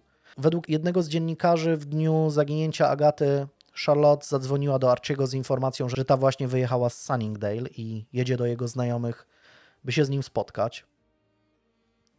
Artykuł spekuluje, że prawdopodobnie spanikowany mężczyzna wyjechał naprzeciw wściekłej żony, by ją powstrzymać przed zrobieniem awantury w Hartmore. Wtedy według reporterów Daily News w okolicach Newlands Corner musiało dojść do konfrontacji, z której pisarka nie uszła z życiem. Co prawda policja i sam Archie natychmiast zaprotestowali, ale według starej maksymy, że nie należy wierzyć w niezdementowane informacje, redakcje innych gazet i ich czytelnicy natychmiast uznają ten scenariusz za zdecydowanie przekonujący. Czwartek 9 grudnia wyraźnie już widać, że śledztwo jest prowadzone dwutorowo. Policja z Berkshire, przekonana o tym, że zaginiona żyje, rozwiesza plakaty ze szkicem przedstawiającym ubiór pisarki. W tym samym czasie funkcjonariusze z hrabstwa Sari z Williamem Kenworthem na czele wciąż przeszukują zarośla, stawy i opuszczone kopalnie w okolicach Newlands Corner. Do policjantów dołącza sam Archie, który zjawia się na miejscu razem z psem Agaty, mając nadzieję, że ten nie wiem tak naprawdę co. Już sobie wyobrażam jak z moim psem idę, co on by znalazł. Piłkę? To jest coś w stylu, no kurczę, nie możemy rozwiązać tej sprawy. Może pies, może, może tak. on nam pomoże. No nie, no właśnie tak sobie wyobrażam, i wiesz, i przynosi, wiesz, piłkę jakąś, nie, czy jakąś gałązkę, no, po prostu no, rzućcie no, mi, no, no, właśnie, tak? no tak czy inaczej Fox Terrier jest zupełnie niezainteresowany poszukiwaniami. Kompletnie nie wie, o co im chodzi. tak sobie wyobrażam z bulldogiem francuskim. no. Następnego dnia Archie udziela wywiadu dla Daily Mail, ulubionej gazety jego żony. W nim twierdzi, że Agata kilkukrotnie wspominała o swoim zniknięciu i sam ma nadzieję, że jest cała i zdrowa. Uwagę śledczych zwraca jednak fakt, że mężczyzna kłamie, twierdząc, że nie doszło między nimi do żadnej kłótni i przedstawia sprawę tak, jakby byli przykładnym i zgodnym małżeństwem. To jednak nie wszystko. Tego dnia policjanci dowiadują się też najprawdopodobniej od służby, że Archie pojawił się w sobotę rano w domu i czekał tam na niego list od Agaty. Ten jednak z jakiegoś powodu przeczytał go ukradkiem, nikomu nie mówiąc o jego treści, po czym wrzucił go do kominka. Taki obrót spraw jeszcze bardziej kieruje podejrzenia śledczych w stronę męża zaginionej. Informacja o liście jeszcze w piątek wieczorem dociera do uszu dziennikarzy, którzy już następnego dnia informują swoich czytelników o dziwnym zachowaniu Arciego. W niedzielę 12 grudnia zostaje zorganizowana największa dotychczasowa akcja poszukiwawcza. W okolicach Newlands Corner zbiera się naprawdę pokaźny tłum ludzi chętnych do pomocy przy przetrząsaniu terenu. Źródła są mocno rozbieżne co do konkretnej liczby e, tych ochotników, bo jedne donoszą, że było ich 2000, a inne, że nawet 15 tysięcy.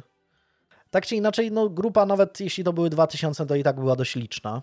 Co ciekawe, podobno były to pierwsze poszukiwania w historii, w, przynajmniej w Anglii, gdzie zostały też użyte samoloty do, do jakby obserwacji terenu.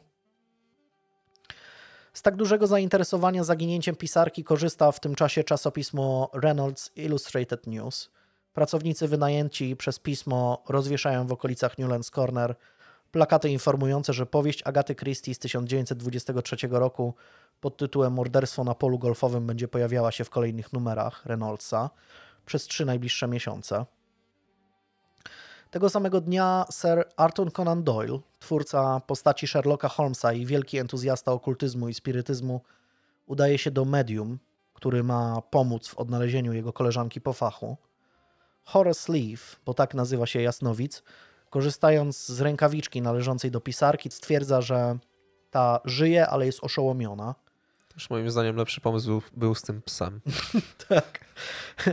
Jest poza tym zdania, że uda się ją odnaleźć w najbliższą środę. Szeroko zakrojone poszukiwania zakończą się wraz z zachodem słońca i nie przyniosą żadnego przełomu. Krótko po ich odwołaniu, 400 km na północ od Newlands Corner, na posterunku policji w mieście Harrogate, w hrabstwie North Yorkshire, zjawia się dwóch muzyków, Bob Tapin i Bob Leaning.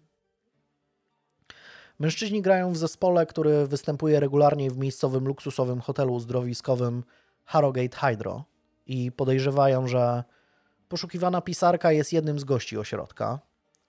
Obserwowali ją od dłuższego czasu, aż w końcu zmobilizowani przez swoje żony postanowili zgłosić to policji.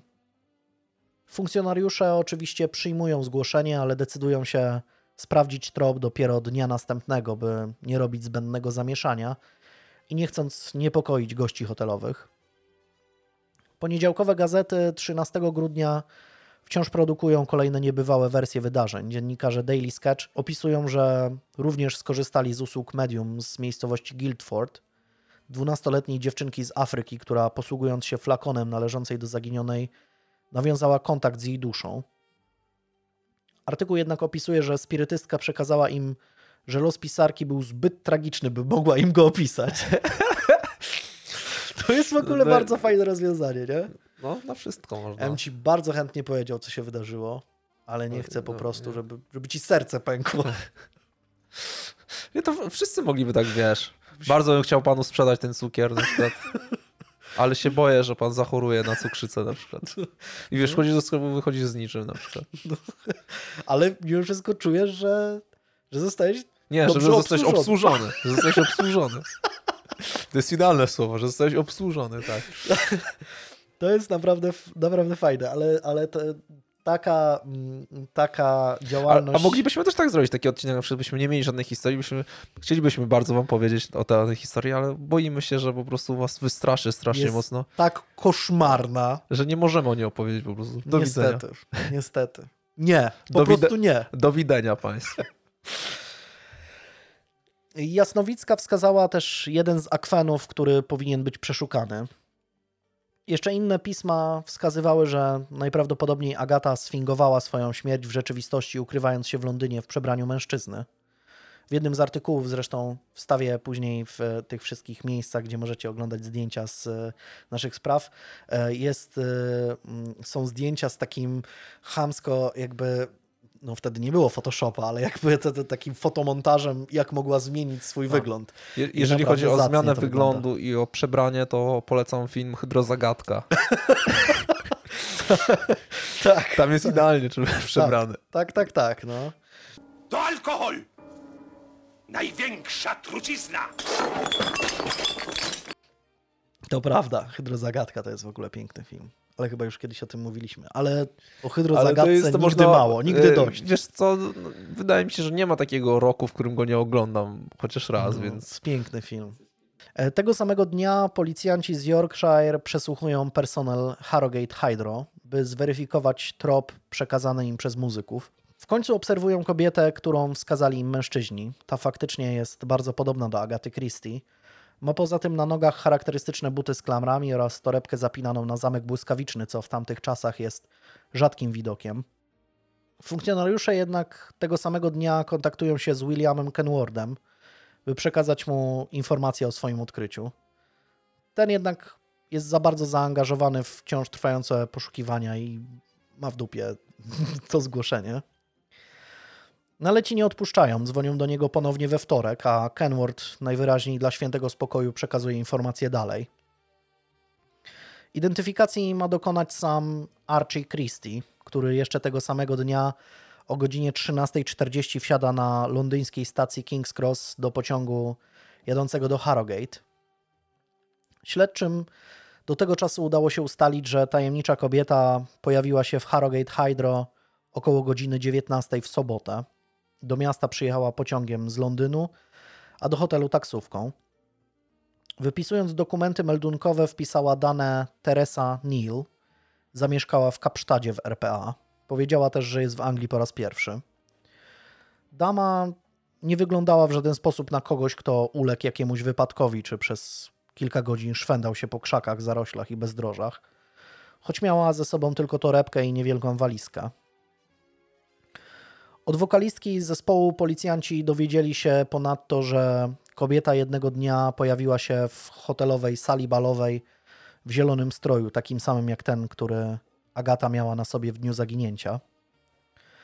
Według piosenkarki kobieta nie wyglądała poza tym na przygnębioną czy załamaną, bo gdy zagrali żywiołowy kawałek Yes, we have no bananas, ta od razu wstała i zaczęła tańczyć Charlestona.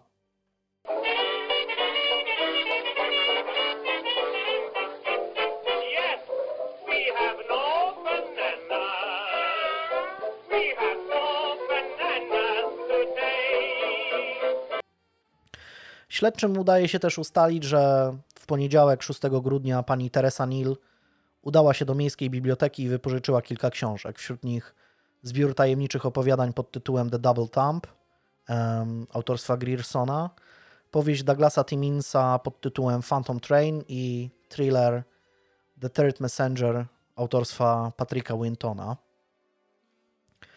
Kobieta ponadto zażyczyła sobie, by umieszczono w The Timesie ogłoszenie o treści Przyjaciele i bliscy Teresy Neal proszę o przesyłanie korespondencji na skrytkę pocztową R702 w The Times.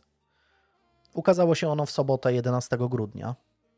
Policjantom udało się też przeszukać pokój kobiety. Znaleźli w nim wypożyczone w bibliotece książki, buteleczkę laudanum z etykietą farmaceuty z Torki, rodzinnego miasta pisarki, Natrafili też na zdjęcie małej dziewczynki.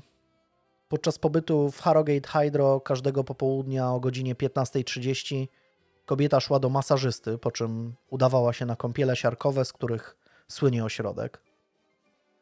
Często też grywała w brydża i bilarda z innymi gośćmi hotelowymi.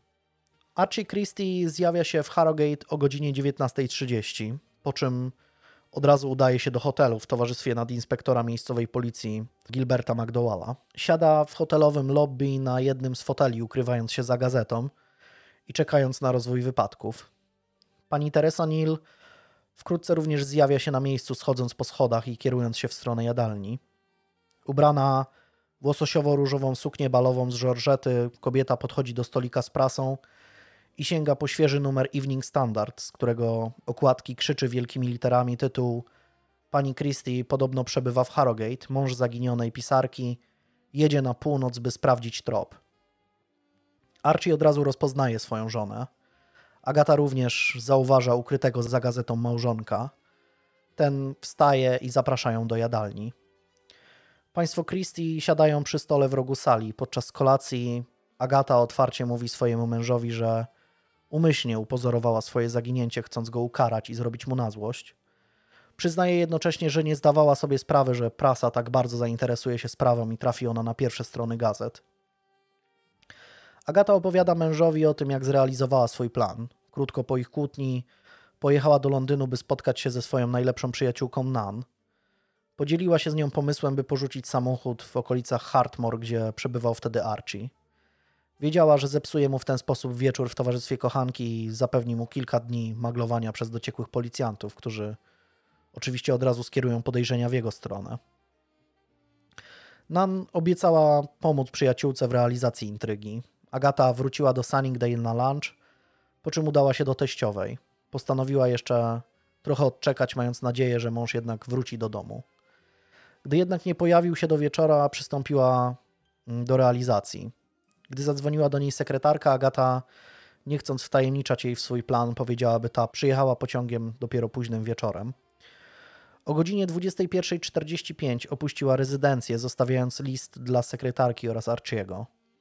W liście do męża oskarżyła go o romans i zdradę, mając nadzieję, że wiadomość wpadnie w ręce policji i jeszcze bardziej przekona śledczych o jego winie. Pisarka pojechała prosto do Newlands Corner, gdzie zepchnęła auto ze wzniesienia – Światła zostawiła włączone umyślnie, by samochód szybciej przykuł czyjąś uwagę. W środku zostawiła kilka swoich rzeczy, żeby okoliczności zdarzenia były jeszcze bardziej tajemnicze. Stamtąd piechotą lub autostopem czy busem dostała się na stację kolejową West Clarendon, oddaloną o 3,5 km, skąd pojechała do Londynu, gdzie przenocowała u Nan.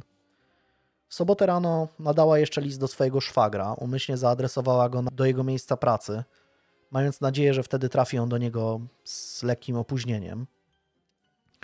Zaraz po tym udała się z przyjaciółką na szybkie zakupy, zadzwoniła do Harrogate Hydro, by zarezerwować swój pobyt, po czym o godzinie 13.40 wsiadła na stacji King's Cross do pociągu, który zawiózł ją do uzdrowiska. Agata sądziła, że list wysłany do Campbella Christie od razu skieruje poszukiwania w stronę Harrogate i śledczym uda się ją namierzyć w ciągu 3-4 dni. Ku jej zaskoczeniu jednak zarówno prasa, jak i policja poszła ze swoimi domysłami w zupełnie inną stronę. Uznała wtedy, że będzie musiała jakoś wybronić swoje zniknięcie przed tłumami policjantów i ochotników, którzy zaangażowali się w jej poszukiwania. By móc niebawem uzasadnić swoje zniknięcie utratą pamięci, postanowiła umieścić w gazecie ogłoszenie. Pomysł ten został wzięty żywcem z jej książki pod tytułem Tajemniczy przeciwnik, gdzie jedna z bohaterek również udawała amnezję. Motyw z y, ogłoszeniem zresztą również pojawia się w powieści. Na tym etapie Agata jednak wie, że wersja z utratą pamięci jest praktycznie nie do obronienia. Chyba, że przy hotelowym stole skłóceni małżonkowie postanawiają zawrzeć krótkotrwały sojusz i ustalają wspólną wersję wydarzeń. Arciemu zależy na tym, by rozpocząć nowe życie z Nancy. Agata również chce mieć święty spokój od prasy i rozgłosu. We wtorek, 14 grudnia, dziennikarze naciskają na Arciego, by ten udzielił informacji na temat spotkania z żoną. Mężczyzna nie zgadza się na wywiad, ale przekazuje reporterom oświadczenie, które jeszcze tego samego wieczora trafia do wieczornego wydania Yorkshire Post. I oto jego treść. Nie ma wątpliwości w kwestii tożsamości. To moja żona. Cierpi na całkowitą utratę pamięci i tożsamości. Nie wie, kim jest. Nie rozpoznaje mnie i nie wie, jak znalazła się w Harrogate. Mam nadzieję, że jeszcze dzisiaj uda mi się zabrać ją do Londynu, by mogła zostać przebadana przez lekarza. Liczę na to, że odpoczynek i spokój dobrze jej zrobi. Wielkie uznanie dla policji za jej niestrudzone starania w poszukiwaniach i śledztwie, które doprowadziło do jej odnalezienia. Daily Mail, chcąc zdobyć materiał na wyłączność, czarteruje nawet specjalny pociąg we wtorek na godzinę 19.55, który miałby zawieźć pisarkę do Londynu. Gazeta oferuje Archiemu nawet wynagrodzenie w kwocie 500 funtów w zamian za wywiad. Ten jednak zdecydowanie odmawia. Zamiast tego w środę 15 grudnia rankiem opuszczają Harrogate Hydro bocznym wyjściem, po czym udają się na stację kolejową, na której już czeka na nich całe mrowie gapiów i dziennikarzy. Archie i Agata korzystają jednak z osobnego wejścia, gdzie wsiadają do pociągu jadącego do Londynu, w którym mają zarezerwowany prywatny przedział.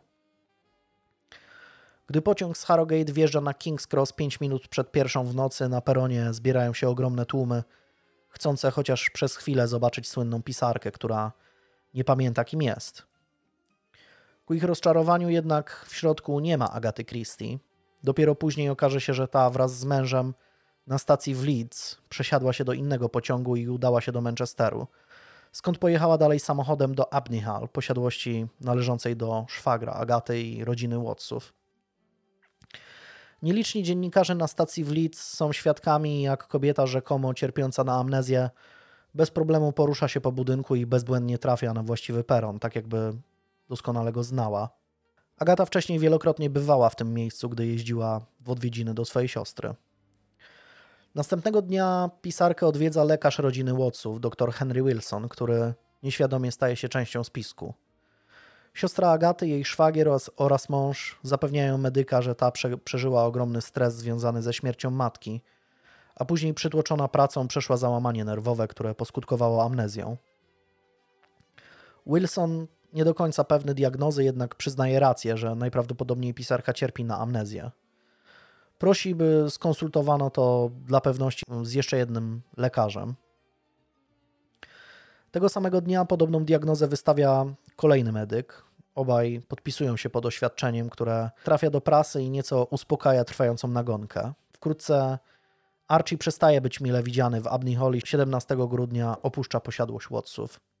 Krótko po świętach rezydencja Christich zostaje wystawiona na sprzedaż ze względu na fakt, że ani Agata, ani Archie nie chcą już w niej mieszkać.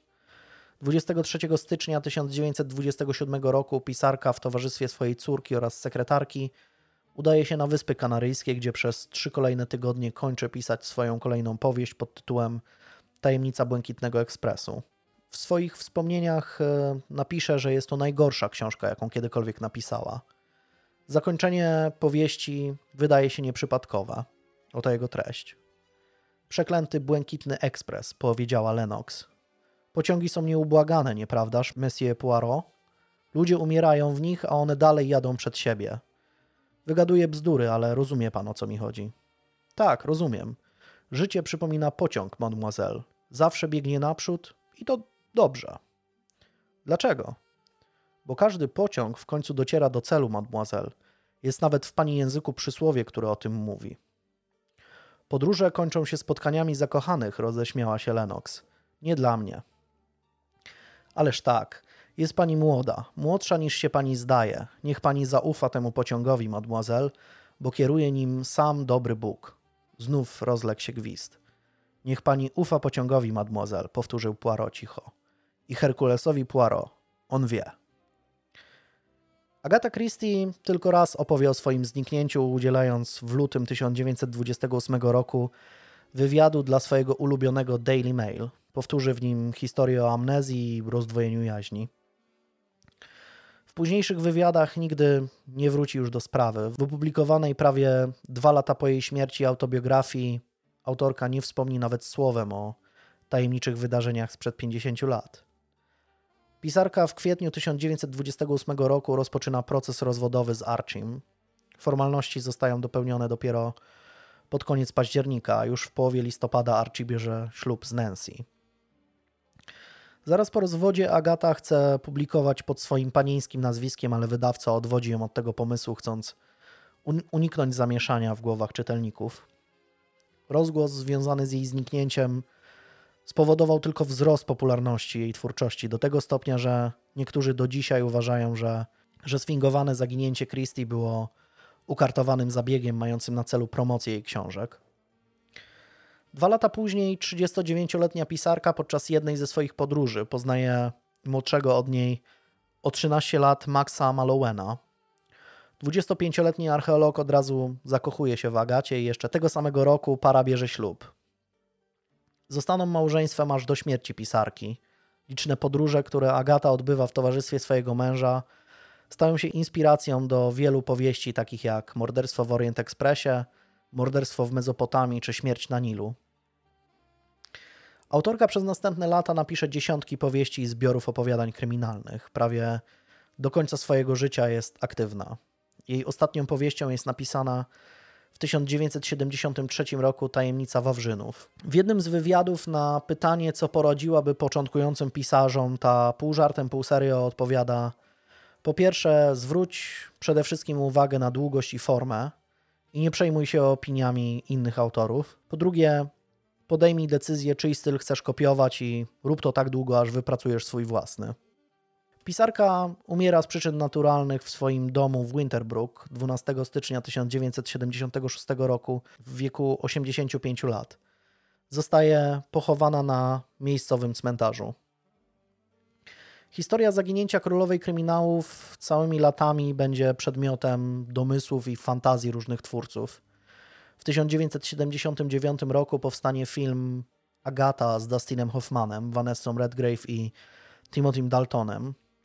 I ten jest fabularyzowaną i mocno odbiegającą od rzeczywistości wersją wydarzeń. Nie zmienia to jednak faktu, że jest całkiem przyjemny i ciekawy moim zdaniem. Zresztą część scen kręcono w oryginalnych wnętrzach, między innymi sceny z Harrogate Hydro są w autentycznym budynku mm, hotelu, który teraz się nazywa The Old Swan. Motyw zniknięcia autorki pojawia się też w jednym z odcinków Doktora Who, a dokładniej odcinku The Unicorn and the Wasp. Jeśli ktoś nie widział, to zdecydowanie polecam i odcinek, i w ogóle cały serial. Jestem wielkim fanem. W 2018 roku powstał film Agata Prawdziwe Morderstwo, w którym powodem zniknięcia pisarki jest Mm, powierzone zadanie rozwiązania zagadki morderstwa. Film niezbyt wybitny, ale obejrzałem z przyjemnością. Mm, więc myślę, że też e, no, no, są te filmy, jeśli są tak sprawnie zrealizowane, to dla samych kostiumów i klimatu tych lat dwudziestych się to całkiem przyjemnie ogląda. Powstała też książka pod tytułem Królowa Zbrodni, która miesza wątki biograficzne autorki z fikcją, gdzie Christie zostaje zmanipulowana przez psychopatycznego mordercę, który wciąga ją w swoją grę i musi ona wykorzystać swoje umiejętności związane właśnie z mm, tworzeniem tych wątków kryminalnych w prawdziwym życiu, powiedzmy. No i to tylko nieliczne z wielu adaptacji dzieł inspirowanych życiem autorki. Powstało tego naprawdę bardzo dużo. Szukałem, czy nie ma czegoś tak absurdalnego jak na przykład z Lizzie Borden, czyli Agata Christie kontra zombie albo coś, albo Agata Christie ze Scooby-Doo. Myślę, że to by było fajne i jeśli ktoś e, słucha nas i właśnie teraz sobie to zapisał, żeby zrealizować taki film, to, to chętnie, go, chętnie go obejrzę. Mm, prawie tak samo chętnie jak E, krwawego Kubusia Puchatka. No nie, jest, jest wiele takich ciekawych filmów. No, mógł ktoś wpaść na to, że wie, że porwali ją obcy na przykład i z nazistami zaczęła na przykład tak, gdzieś tam tak, w tak. kosmosie no, no, no e, właśnie. kombinować, żeby przejąć władzę nad światem. Właśnie, no to nie? tak samo jak jest to Abraham Lincoln kontra tam jakieś wampiry tak, czy coś no. takiego, nie? Y, nie wiem, dlaczego nie powstał taki film. Chętnie, bardzo chętnie bym go, e, bym go obejrzał. E, jeśli chodzi o źródła i zdjęcia, tradycyjnie zdjęć będzie dużo. E, szczerze mówiąc, e, przetrząsnąłem dość sporo różnych źródeł, żeby tych zdjęć było dużo, bo też bardzo ciekawe jest to angielskie życie lat, lat 20. i sporo takich fajnych miejsc i fajnych smaczków jest i będziecie mogli zobaczyć. Są też zdjęcia wykonane na miejscu zbrodni, powiedzmy, na miejscu odnalezienia tego samochodu. Zdjęcia z poszukiwań, jest tego naprawdę dość sporo, więc zachęcam do e, sprawdzenia e, Facebooka i Instagrama. Jeśli chodzi o źródła, z których korzystałem, to najlepsza książka pod tym względem to Agatha Christie and the Eleven Missing Days e, autorstwa Jareda Cade'a. Jest to naprawdę autentyczne kompendium, jeśli chodzi o samo zaginięcie Agaty, ale też praktycznie cały jej życiorys. Oraz też bardzo fajny, jeśli chodzi o biografię Agaty, to jest jej oczywiście autobiografia, ale no należy sobie zdawać z tego sprawę, że jest to punkt widzenia konkretnie autorki, która oczywiście mogła pewne rzeczy e, naginać na własną jakąś tam korzyść. I oczywiście zachęcam do korzystania z BookBeat. E, link w opisie i hasło no nie gadaj przy rejestracji, bo tam czekają na Was e, no kilkanaście chyba e, audiobooków Agaty Christie, między innymi moje ulubione Zabójstwo Rogera Ackroyda. Dajcie znać, czy przesłuchaliście, bo jest naprawdę super i jak na tamte czasy to w ogóle musiała to być przełomowa powieść pod względem też powiedzmy formy Dajcie znać, czy przesłuchaliście, czy znacie ją, bo naprawdę jest świetna. Ciekawa jest ta w ogóle koncepcja, e, że wiesz, zapętlenia się w kłamstwie czasami, że jak coś wpadniesz na jakiś pomysł, to później do tego pomysłu, żeby, żeby to jeszcze utrzymać jakoś, to tam kombinujesz. Tu, mm. a tu straciłem pamięć, a tu coś tam. No ale, ale no, próbowała, próbowała wybrnąć i w sumie jej się to udało, bo e, oficjalnie, na przykład mm, o tym już nie chciałem wspominać, bo by ten odcinek trwał 5 godzin, ale jednym z istotnych wątków, nawet na poziomie samego e, angielskiego parlamentu, było to, kto ma ponieść e, koszty tego, tych poszukiwań. I jako, że udało im się zdobyć te opinie lekarzy i powiedzmy mieli podkładkę jakąś pod to, że no faktycznie miała amnezję. Zresztą do teraz wiele mm, nawet materiałów, e, które mm, są w internecie na temat tej sprawy, jakby traktują tą wersję jako całkowicie mm, legitną. legitną, tak? Jedną z, tak? E, więc e, no tutaj im się akurat udało to, że na przykład nie zostali pociągnięci e, do uregulowania kosztów po o Jezu, tej, to tych... są przeogromne koszty. Tak, bo to często, no nawet do teraz, tak, jest to, jak ktoś, nie wiem, fałszywy alarm jakiś spowoduje, nie, czy coś, to, to, to, to, to, są ogromne to koszty. są ogromne koszty, no. Zwłaszcza tam samoloty, mm, jacyś tam praca ochotników i tak dalej, no był z tym cały wątek, jeśli ktoś chce, to niech sobie sprawdzi książkę właśnie tą e, Jareda Cade'a, bo tam wszystko po prostu dzień po dniu jest opisywane. Jest to genialna pozycja, naprawdę. E, warto sobie ją sprawdzić. Jak ktoś się lubi tak gdzieś w te szczegóły gdzieś zagłębić. Tak, tak, tak no dokładnie. No dlatego, dlatego mówię, e, z czego, z czego korzystałem i to jest naprawdę tylko wycinek tego wszystkiego. Później też można poczytać o samym życiu Agaty Christie już później. Też jest bardzo ciekawe, bo na przykład angażowała się też w pracę swojego tego drugiego męża, który był archeologiem i jeździli do Iraku Iraku, gdzieś tam właśnie po całym świecie, biorąc udział w wykopaliskach, co też jest e, świetne i w ogóle mam wrażenie... To też, żeby ten... był fajny cross, jakbyś to jakoś połączył z grobowcem w Sakarze, który zawsze, zawsze bardzo mocno polecałeś. Tak. E, właśnie powstał e, film, powstał film też w miarę nowy,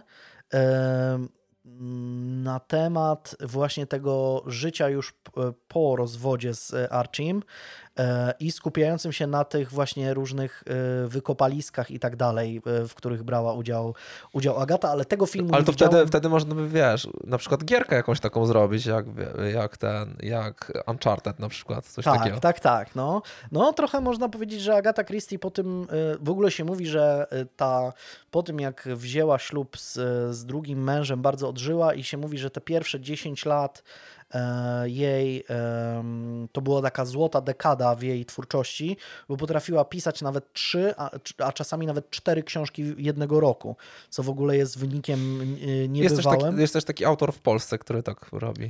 tak, tak, on pisze 10 książek rocznie. E, pozdrawiamy, panie Remigiuszu, jeśli pan nas słucha.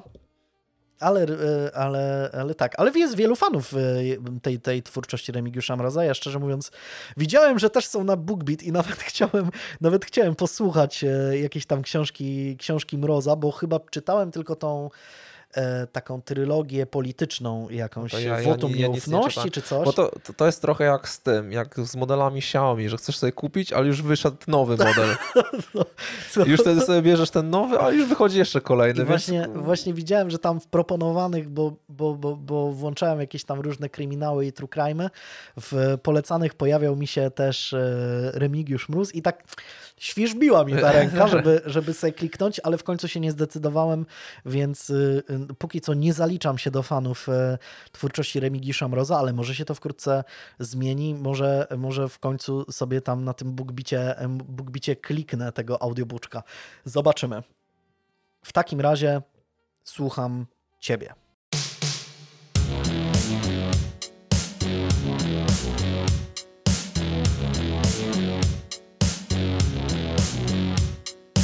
Nasz podcast powstaje przy wsparciu patronów. Bardzo Wam wszystkim dziękujemy. Jeżeli Ty też chcesz dążyć do tego fantastycznego grona i korzystać z wszelkich jego dobrodziejstw, zajrzyj pod adres patronite.pl slash no nie gadaj. Dzięki i pozdro z wiatraka.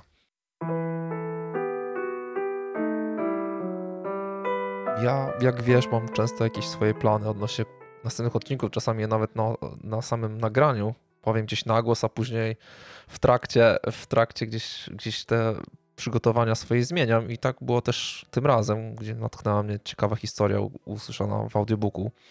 Historia o chloroformie, y, która przypomniała mi o jednej sprawie, którą wiele lat temu żyła cała Warszawa. Odnośnie samej substancji, to mega ciekawe rzeczy wysłuchałem w książce pod tytułem Przypadkowe odkrycia medyczne autorstwa Roberta Wintersa, dostępnej w aplikacji BookBeat.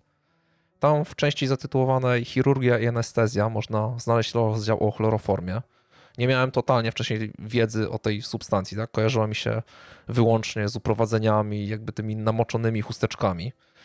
Nie wiem, czy miałeś jakąś bardziej szczegółową wiedzę, mi się tylko tak naprawdę się... tylko z tym film, filmowymi rzeczami kojarzyła. Chloroform przede wszystkim kojarzy mi się z grą Hitman. Tak. Gdzie e, była, było to jedno z, z narzędzi, które było pomocne przy Tak, ale, ale, ale co ciekawe, gdy zacząłem się wczytywać, to, to to nie działa tak, że w ciągu sekundy tak naprawdę ktoś ci odpływa, nie? No właśnie, widzisz. No a tak naprawdę kwestia tego chloroformu, jej początek wywodzi się właśnie od wprowadzenia, od próby wprowadzenia pierwszych narkoz yy, i to w położnictwie. Nie mylić z narkos z, z, z, z Netflixa. Chloroform został odkryty w 1831 roku. Po raz pierwszy przy operacji na ludziach wykorzystał chloroform młody szkocki lekarz położnik z Edynburga James Young Simpson. Zastąpił tym samym eter. Wystarczy bowiem zaledwie kilka kropli chloroformu, żeby wyłączyć świadomość pacjenta na czas do 15 minut. Oczywiście to nie wyglądało to tak, że po prostu gościu sobie wziął jakąś randomową substancję i mówi, sprawdzimy, czy zadziała, nie? Jakby... I sprawdza, nie wiem, ocet. Ocet, tak. No wiesz, to mogło tak działać kilkanaście lat temu, jak ktoś tak sobie, wiesz, bulwę ziemniaka wyjął, mówi, zobaczymy, co z tym zrobimy, nie? To wtedy tak to mogło działać, ale jednak przy chloroformie, gdzieś tam przy operacjach, to można sobie odpuścić. No tak, no nie wyobrażam sobie, że ktoś podał tam, wiesz, 15 ml octu i zobaczymy, czy, czy odpadnie gościu, nie? Raczej tak to nie działa. Dlatego, wiesz, dlatego już wtedy eksperymentowano na, na zwierzętach i, i okazało się, że przy operacjach czy zabiegach weterynaryjnych właśnie chloroform działa super. 15 ml wody po parówkach. No, może to, to może to, a może to akurat. Tak. Jeżeli o, o, o, chodzi o sam chloroform, to naj, najciekawsze jest to, że rzeczywiście kojarzy nam się ta substancja głównie gdzieś tam z porywaniem osób, szczególnie gdzieś kobiet, no bo wiadomo, że handel ludźmi to jakby najczęściej kojarzy się z kobietami, on dotyka najwięcej kobiet gdzieś tam statystycznie. To znaczy też fabularnie przy różnego rodzaju kryminałach, grach i filmach jest to wygodne, nie? Że wiesz, że można kogoś tak że jest coś, czym możesz kogoś tak po prostu w sekundę, w tak. sekundę nie? To, Cyk, tak samo jak, nie? to tak samo jak e, Klos tym e, ciosem, tak, tym ciosem. ogłuszał, ogłuszał Niemców, nie? To, no, tak. Takie sztuczki nie ze mną, Brunner. Nie, cios karate, który Jak ten, prostu... jest też ten filmik, że, y, y, że Pudzian karpia ogłusza, nie? tak, tak, Z jednym ciosem musisz, początkowo musisz karpia ogłuszyć, nie? To jak ten cios wibrującej pięści, No. nie? co Bruce Lee rzekomo. O, ale może opowiemy o tym w innej historii. No tak. No nie, nie, nie zdradzamy. No jakby z tym jest, jakby z tym to się głównie kojarzy, jeżeli nie masz jakiejś tam wiedzy medycznej. Z tym się kojarzy chloroform, a tak naprawdę pierwsze wykorzystanie tej substancji było totalnie odwrotne, bo miało właśnie pomóc kobietom. Do tej pory podchodzono do tematu rodzenia dzieci w taki bardzo katolicki sposób, czyli ma boleć i chuj, nie? Bóg tak świat stworzył i, i, i nie ma to co tego przeskakiwać. Matka Teresa byłaby z, z Tak. tego dumna. Y, i Krzysztof Bosek, jakby Pan Bóg chciał inaczej świat stworzyć, tak, to by Tak. stworzył. No ale znalazły się osoby, którym to nie do końca się spodobało i dlatego zaczęto eksperymentować z chloroformem jako narkozą, aby tego bólu kobietom oszczędzić. Oczywiście to odkrycie wzburzyło duchowieństwo chrześcijańskie. Biblia nauczała przecież, że kobiety powinni rodzić w bólu. Cytując, i w bólu rodzić będziesz. Także księża czy lekarze w tej swojej klauzuli sumienia twierdzili, że ten, ten ból jakby jest biologiczną koniecznością. Hierarchowie kościelni wyklinali publicznie chloroform jako owoc szatana czy szatański gaz.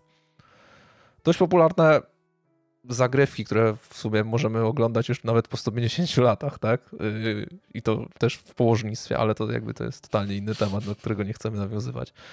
Dopiero znieczulenie chloroformem mm, związane z porodem królowej Wiktorii, yy, gdzie jakby poród przyjął i wykorzystał chloroform do, do narkozy słynny lekarz John Snow. Też nie mylić z Gromotron, ale to rzeczywiście You know Snow. nothing. You know nothing, tak. Ale to bardzo mocno przyczyniło się do spopularyzowania anestezji w ogóle w położnictwie i dużej wdzięczności królowej. Na szczęście anestezjologia stała się przez ten czas bardzo istotną dziedziną medyczną, mimo że już chloroform odszedł od łask. Trudno się temu dziwić, bo margines bezpieczeństwa przy jego stosowaniu jest raczej wąski. Często lekarze mieli problem tak, z określeniem, jaka dawka nie miała wpływu na zdrowie usypianego właśnie pacjenta, czyli tak naprawdę to było trochę, trochę randomowo, trochę, trochę losowo. Akurat, akurat królowa była bardzo wdzięczna, bo rzeczywiście położyła się na stół, zasnęła i już miała dziecko w rękach, tak. No ale wielu kobietom to się niestety nie udało, więc, yy, więc musiano odejść jakby e, od tego. A, a, a związane jest to z tym, że środek hamuje funkcję wszystkich najważniejszych narządów wewnętrznych, zwłaszcza serca, nerek, wątroby, trzustki, naczyń krwionośnych, co w pewnych wypadkach oczywiście może doprowadzić do zgonu. Jeżeli chodzi już o samą słynną sprawę, y, o, o której chciałbym dzisiaj opowiedzieć, z XIX-wiecznej Warszawy, to nic w tym dziwnego, że stała się słynną sprawą, gdyż bohaterką była wielce szanowana i podziwiana w ówczesnych czasach artystka Maria Wisnowska. Ciężko było określić dokładnie datę jej urodzenia. Na jej nagrobku wyryto datę 23 grudnia 1861 roku, jednak tak prawdziwie to podobno narodziła się dwa lata wcześniej, tak wyczytałem w źródłach. Oczywiście jakby, żeby od razu nie sprzedać zakończenia historii, no jakby zgon w 1861 roku, to nie jest tak, że ktoś by żył, tak? No Że to nie jest od razu zdradzenie, że ktoś tam ją zamordował na przykład, czy coś. No bo nie, niektórzy wspominają, o, w ostatnim odcinku tak było, że, że powiedziałem, że, że dał znać, tak? Że, że, że był wywiad, to już było wiadomo od razu, jeżeli chodzi o tego... Tak, o, i to, że jak, znaczy jak się zachował w momencie tego, jak ten kamień na niego spadł. Tak, nie? tak, tak, tak, że od razu jakby- czy coś tam. Tak, że to od razu warunkowało to, że, że rzeczywiście, że przeżył, tak? No tutaj, tutaj nawet nie musi być zgonu, tak? Od razu, jeżeli ktoś tej historii nie zna, no to 1861 rok, no to tak sobie ogarnijcie, żeby ktoś miał ponad 160 lat, tak? No, dość sporo. Jakby trochę, jakby proszę o wstrzymanie przysłowiowych koni, tak? Jeżeli chodzi o poczucie się Sherlockiem i odkrycie już, że skoro nagrobek, to i pewnie ofiara zabójstwa jakby u nas ciężko cokolwiek przewidzieć. Często to, co się wydaje proste, jest jednak zagmatwane, a gdy jest zagmatwane, to okazuje się proste. Wiesz, y, może być coś typu, nie wiem, chłop chłopa chłop- nożem, nie? Wydaje ci się zawiła tam chłop chłopa nożem, jakieś gołąbki A czy coś się się okazuje, pojawiają. nie? że nóż noża chłopem. A, już noża chłopem, tak. Dokładnie. Ale wracając do Marii, te, te rozbieżności z datami spowodowane były tym, że wówczas wiele artystek strzegło tajemnicy swoich urodzin, jakby wzniecając lekką nutkę tajemnicy i trochę się odmładzając, taki kazus tych piłkarzy z Afryki, którzy przyjeżdżają, nie mają 2 metry, Mhm. 115 kg wagi, tak? I mają 10 lat w, w, W dowodzie. w no. dowodzie, tak. Więc, y, więc to pewnie tak wtedy wyglądało. Maria urodziła się w Warszawie, nie przeżywając zbyt łaskawych chwil dzieciństwa, gdyż dość wcześnie jedno z rodziców popełnia samobójstwo, gdy miała tylko 5 lat. Musi to mocno wpłynąć na psychikę dziecka i w przyszłości dorosłej osoby. Maria o tyle ma szczęście w nieszczęściu, że ojciec, który popełnił samobójstwo, był dość obrotny i nie pozostawił jej w nędzy. Zdecydowanie do czasu wpadnięcia na pomysł o samobójstwie jakby miał wszystkie muminki w dolinie, tak? No bo zdążył zarobić i, i rzeczywiście jakąś tam, jakąś tam kasę zostawił, więc tyle dobrego. Od kiedy Maria staje się tylko świadomą osobą, ma w głowie tylko teatr. Jest to czas, w którym ta rozrywka i ta sztuka wiedzie prym i mało który wysoko postawiony Europejczyk wyobraża sobie życie bez teatru. Jesienią 1878 roku kobieta wyjeżdża do Lwowa, gdzie trafia do zespołu teatru Skarkowskiego.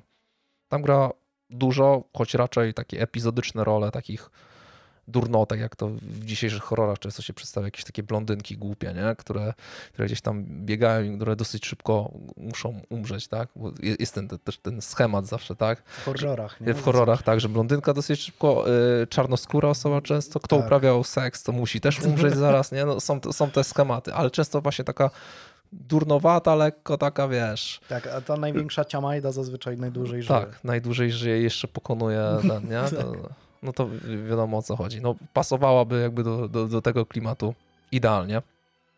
No miała taki jakby typowo, nie wiem, jak też często w młodzieżowych y, filmach amerykańskich taki typ modelki czy liderki powiedzmy. Pasowała do tych klimatów, budziła sporo zainteresowania wśród mężczyzn. Średni wzrost, owalny kształt twarzy, szerokie i pełne usta, popielate włosy. Stefan Krzywoszewski wspominał, że największy urok tkwił w jej oczach o barwie akwamaryny, gdy były pogodne, a które ciemniały po podnieceniu. Akwamaryna to rozumiem, że coś w rodzaju niebieskiego. Tak, dokładnie. Musiałem to też sprawdzić. Czy bo aqua kojarzy mi się. No tak, znaczy to, wie- wiesz co, jest, y, jest to jakiś kamień, bo to jest y, kolor, A. o ile, bo ja też sprawdziłem, że jest to niebiesko-zielony pigment mineralny, coś takiego. Dobra, no okej. Okej, no jakby to jest taka informacja, którą też jakby, tak? Tak, to jest taka informacja, którą właśnie można, można się dzielić tam przy stole, jak, jak z tą pierwszą pizzerią, nie? W Słupsku. To jest taka rzecz, którą, którą gdzieś tam można zabłysnąć. Tak, także jakby ktoś mnie teraz zapytał o mój kolor oczu, no to nie powiem jak, jak ciamajda niebieski, nie? Jak jakiś plebs totalny, to nie. To nie. Akwamaryna. Akwamarynowy. Z miasta Lwowa, w którym później w drużynie RKS Lwów debiutuje Kazimierz Górski, a pogoni Lwów znajdzie kilka mistrzostw Polski. Maria spędza dwa lata, po czym wraca do stolicy i trafia tam do teatru letniego.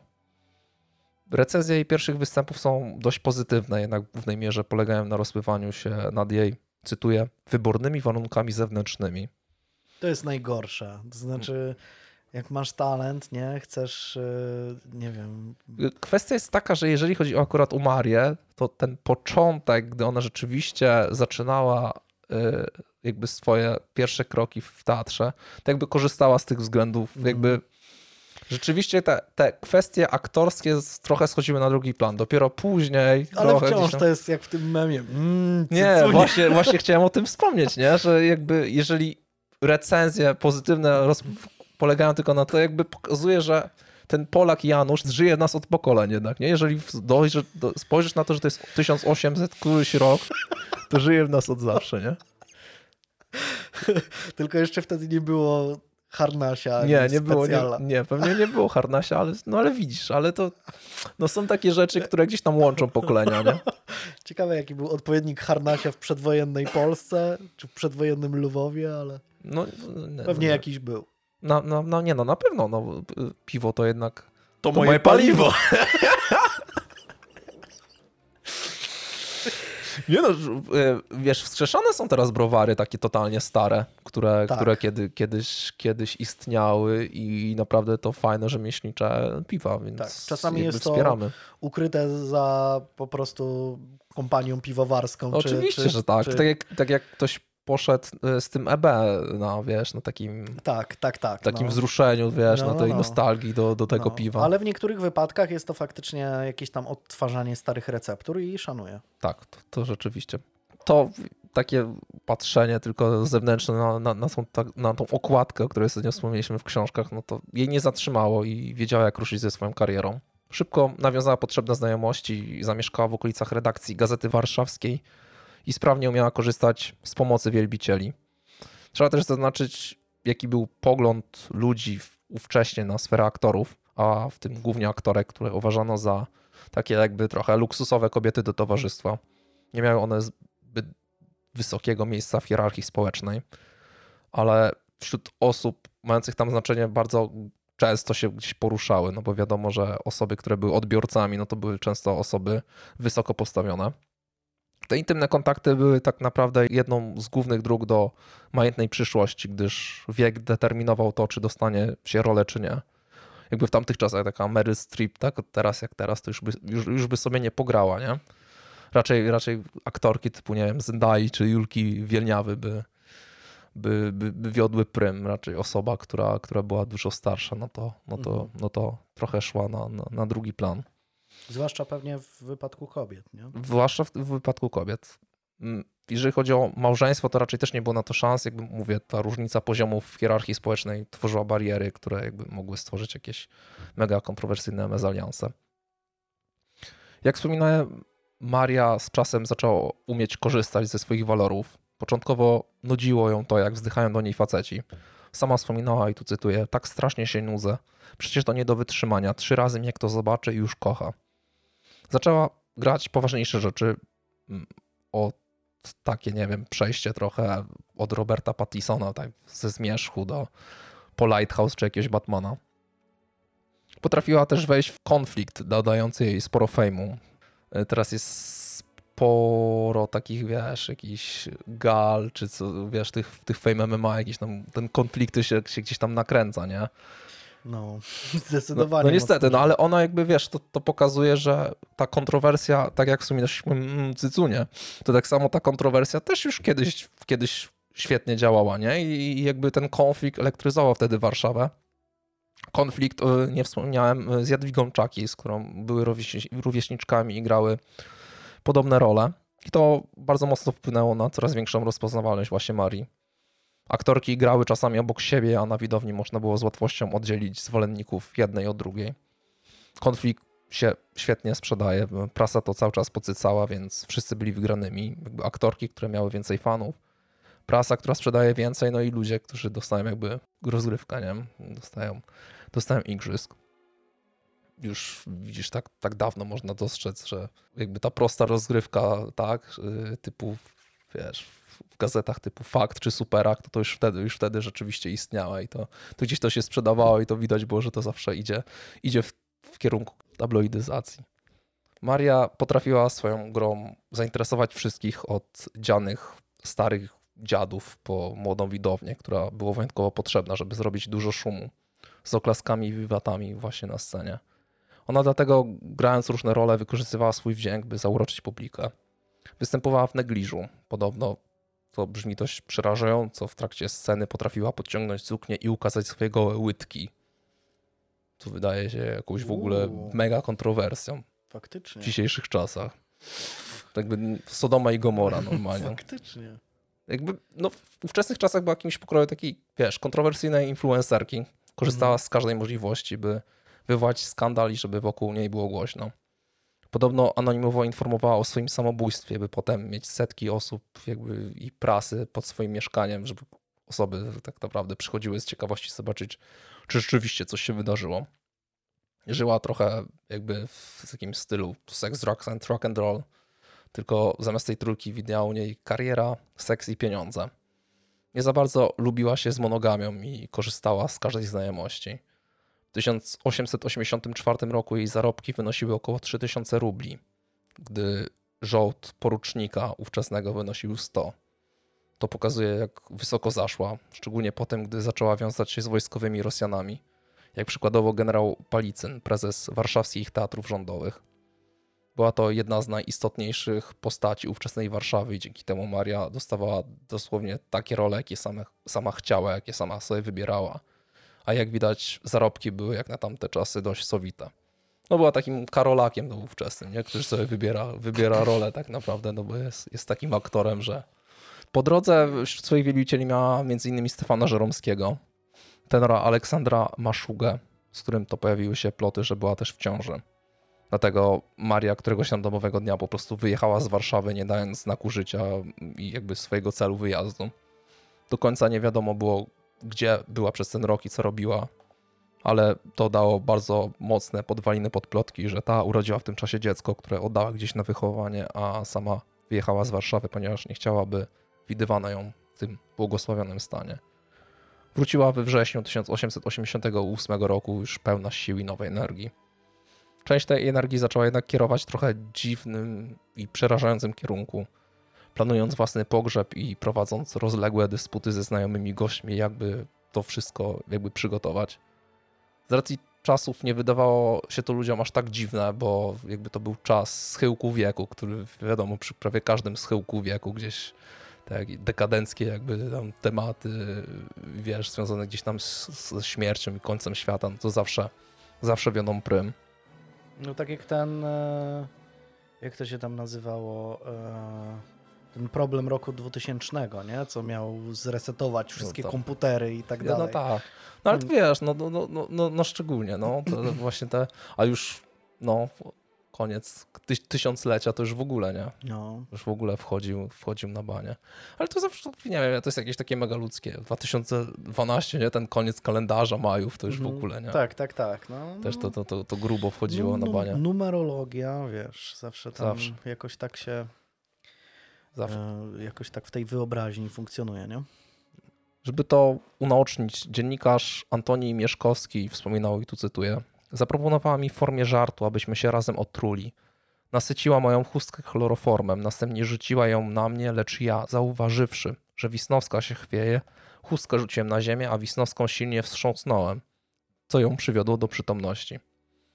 Wśród tych wielu kochanków, do których można doliczyć m.in. Wiktora Klobasę z Ręckiego, czyli współwłaściciela pierwszego w Europie koncertu naftowego. Jakby też bardzo ciekawa postać, o której warto poczytać nawiasem mówiąc. Bardzo, bardzo ciekawy przedsiębiorca. On tam też był mocno związany, wspominaliśmy o tych browarach, on tam był mocno związany też z cydrem, pamiętam, jak czytałem o nim y, informacje. W ogóle to jest a najistotniejsza kwestia, że, że był współwłaścicielem jednego z pierwszych właśnie w Europie koncernów naftowych. Ignacy wtedy tam gdzieś te, te czasy, gdzie wiesz, że się okazało, że ta nafta to jednak, to jednak jest istotna rzecz. Wracając do tych kochanków. Y, dołączył do nich też Aleksander Bartieniew. Był to syn rosyjskiego kupca, który dzięki pieniążkom kupił sobie dystynkcje szlacheckie. Jeżeli chodzi o fizjonomię, to mocno zbudowany blondyn średniego wzrostu o wydatnych kościach policzkowych. Gdy poznał Marię, miał 21 lat, ona wtedy była już po minięciu tej magicznej bariery 30 lat. Był kawalerzystą, który służył w Warszawie, a do swojego żołdu doliczał pokaźne kieszonkowe do ojca. Początkowo Maria nie wiedziała o tym sporym posagu, więc traktowała go jak takiego zwykłego stalkera. Odmieniło się to trochę później, gdy doszły ją słuchy o wielkiej fortunie i zaczęła się z nim spotykać.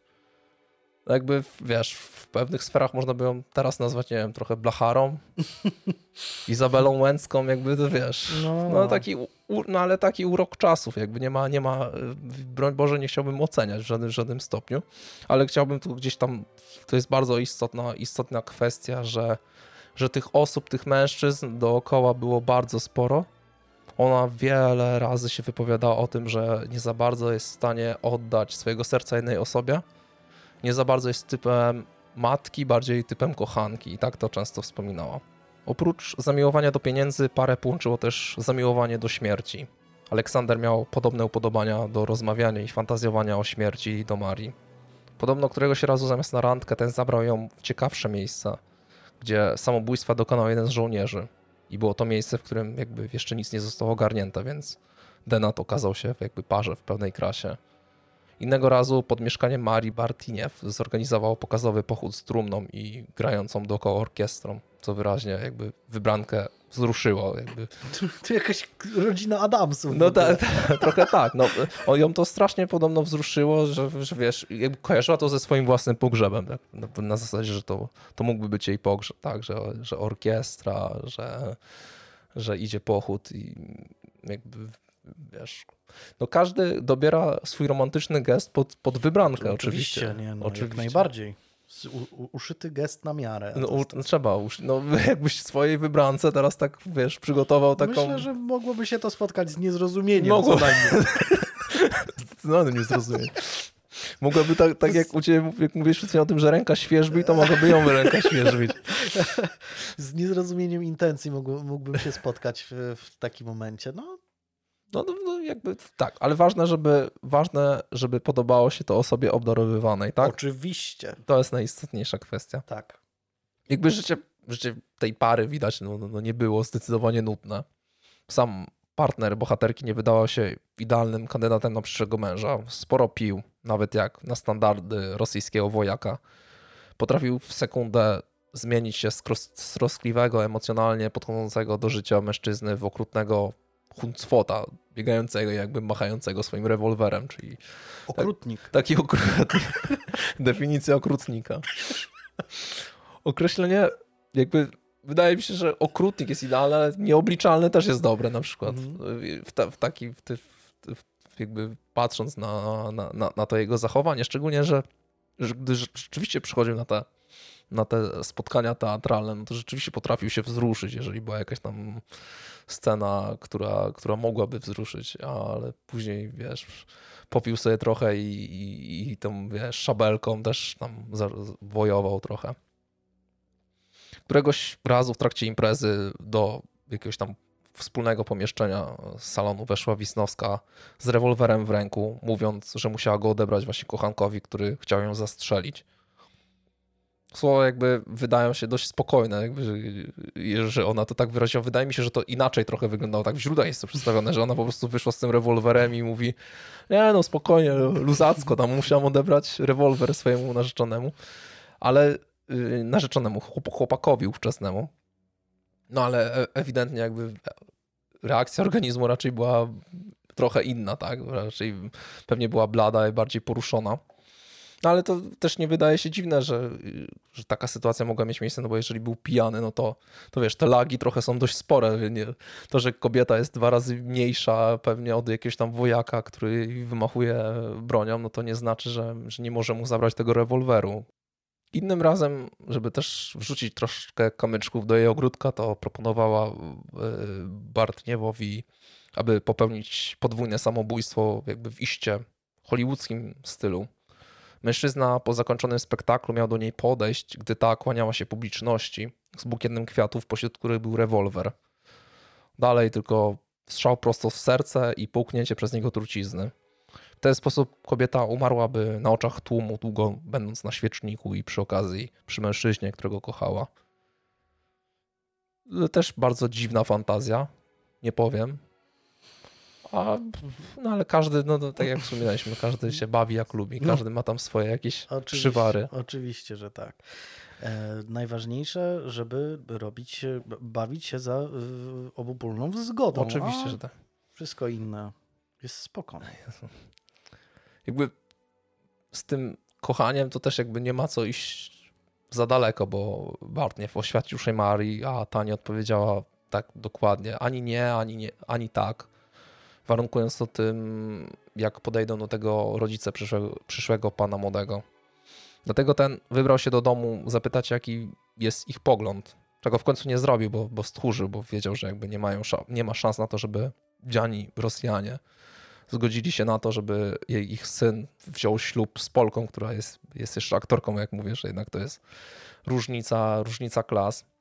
W tym czasie Maria nie próżnowała i weszła w kolejny krótki romans z jego kolegą z pułku Piotrem Nosowem. W tym czasie tak naprawdę kobieta lawirowała pomiędzy wieloma mężczyznami, którzy cały czas nie dawali za wygraną i gdzieś tam, gdzieś tam próbowali się napatoczyć. Raz był właśnie ten Aleksander, raz y, Maszuga, raz Krzywoszewski, do tego ten generał Palicyn. jakby pewnie jeszcze wielu innych, którzy gdzieś tam się przewijali, ale mieli krótsze epizody. Z czasem jednak zaczęła powoli się krystalizować hierarchia tych kochanków, y, której właśnie przewodził Aleksander, co oczywiście nie spodobało się reszcie. Generał zaczął się mścić, wykorzystując swoją pozycję. Maszuga miał któregoś dnia siłą ściągnąć jej pierścionek, wykrzykując, że Maria jest jego własnością, grożąc, że będzie śledzić każdy jej krok, dopóki śmierć ich nie rozłączy.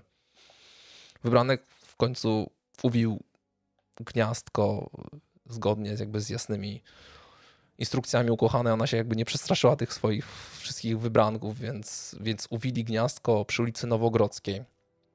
Aby tego dokonać, znowu wykorzystał hajs, bo zapłacił zbyt duże pieniądze, aby tylko lokatorzy wyprowadzili się dużo wcześniej niż przewidywał to okres wypowiedzenia.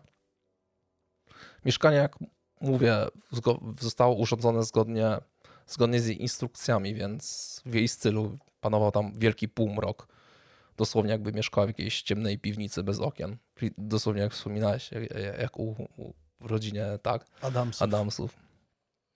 Jej zdrowie psychiczne zaczęło coraz bardziej podupadać. Żaliła się, że wszyscy chcą tylko jej ciała, a nie duszy i nie wie, jak sobie z tym wszystkim poradzić. Czuła się prześladowana, miała wizję, zaczęła tracić kontrolę nad swoim życiem, a przy tym bardzo możliwe, że bardzo często przedawkowywała morfinę, która w tamtych czasach była dość łatwo dostępna. Wieczorem 30 czerwca 1890 roku spotkali się wieczorem w mieszkaniu przy ulicy Nowogrodzkiej. Bartniew czekał na miejscu z szampanem i kieliszkami, natomiast Wisnowska oddała kochankowi zabrany wcześniej rewolwer, tłumacząc, że przed wyjazdem z Warszawy chce go zwrócić prawowitemu właścicielowi. To był cały czas ten rewolwer, który był w poprzedniej historii, tak, w której ona mu go odebrała. Plany o wyjeździe kłębiły się w jej głowie już od bardzo dawna, ale dopiero teraz podjęła ostateczną decyzję. Wypili, wspólnie zjadli i doszło do zbliżenia seksualnego. Taka randeczka ich pełno i położyli się spać. Po północy Maria się przebudziła i zaczęła się ubierać do wyjścia. Doszło między parą do rozmowy, w trakcie której kobieta oświadczyła, że nie chce, ale musi wyjechać. Dopytywała mężczyznę o jego miłość, w którą wątpiła, gdyż, i tu cytuję, Gdybyś mnie kochał, to nie groziłbyś mi swoją śmiercią, a zabiłbyś mnie. Mężczyzna odparł, iż dużo łatwiej jest zabić samego siebie niż ukochaną sobie osobę. Maria znalazła na to rozwiązanie, wyjmując dwa słoiki, z których jeden zawierał Gołąbki. jeden gołąbki, a drugi chloroform. To jest, szczególnie, że to był, wiesz, to był rosyjski ten, to rosyjska ruletka, tak? Bydgoska ruletka. Nie, nie. Akurat to był właśnie ze swoich chloroformem, w drugim był opium. Było, było opium. W ilościach, które i tak zdecydowanie jakby dostarczone organizmu mogłoby spowodować śmierć. Nie wiem, ile gołąbków mogłoby spowodować śmierć.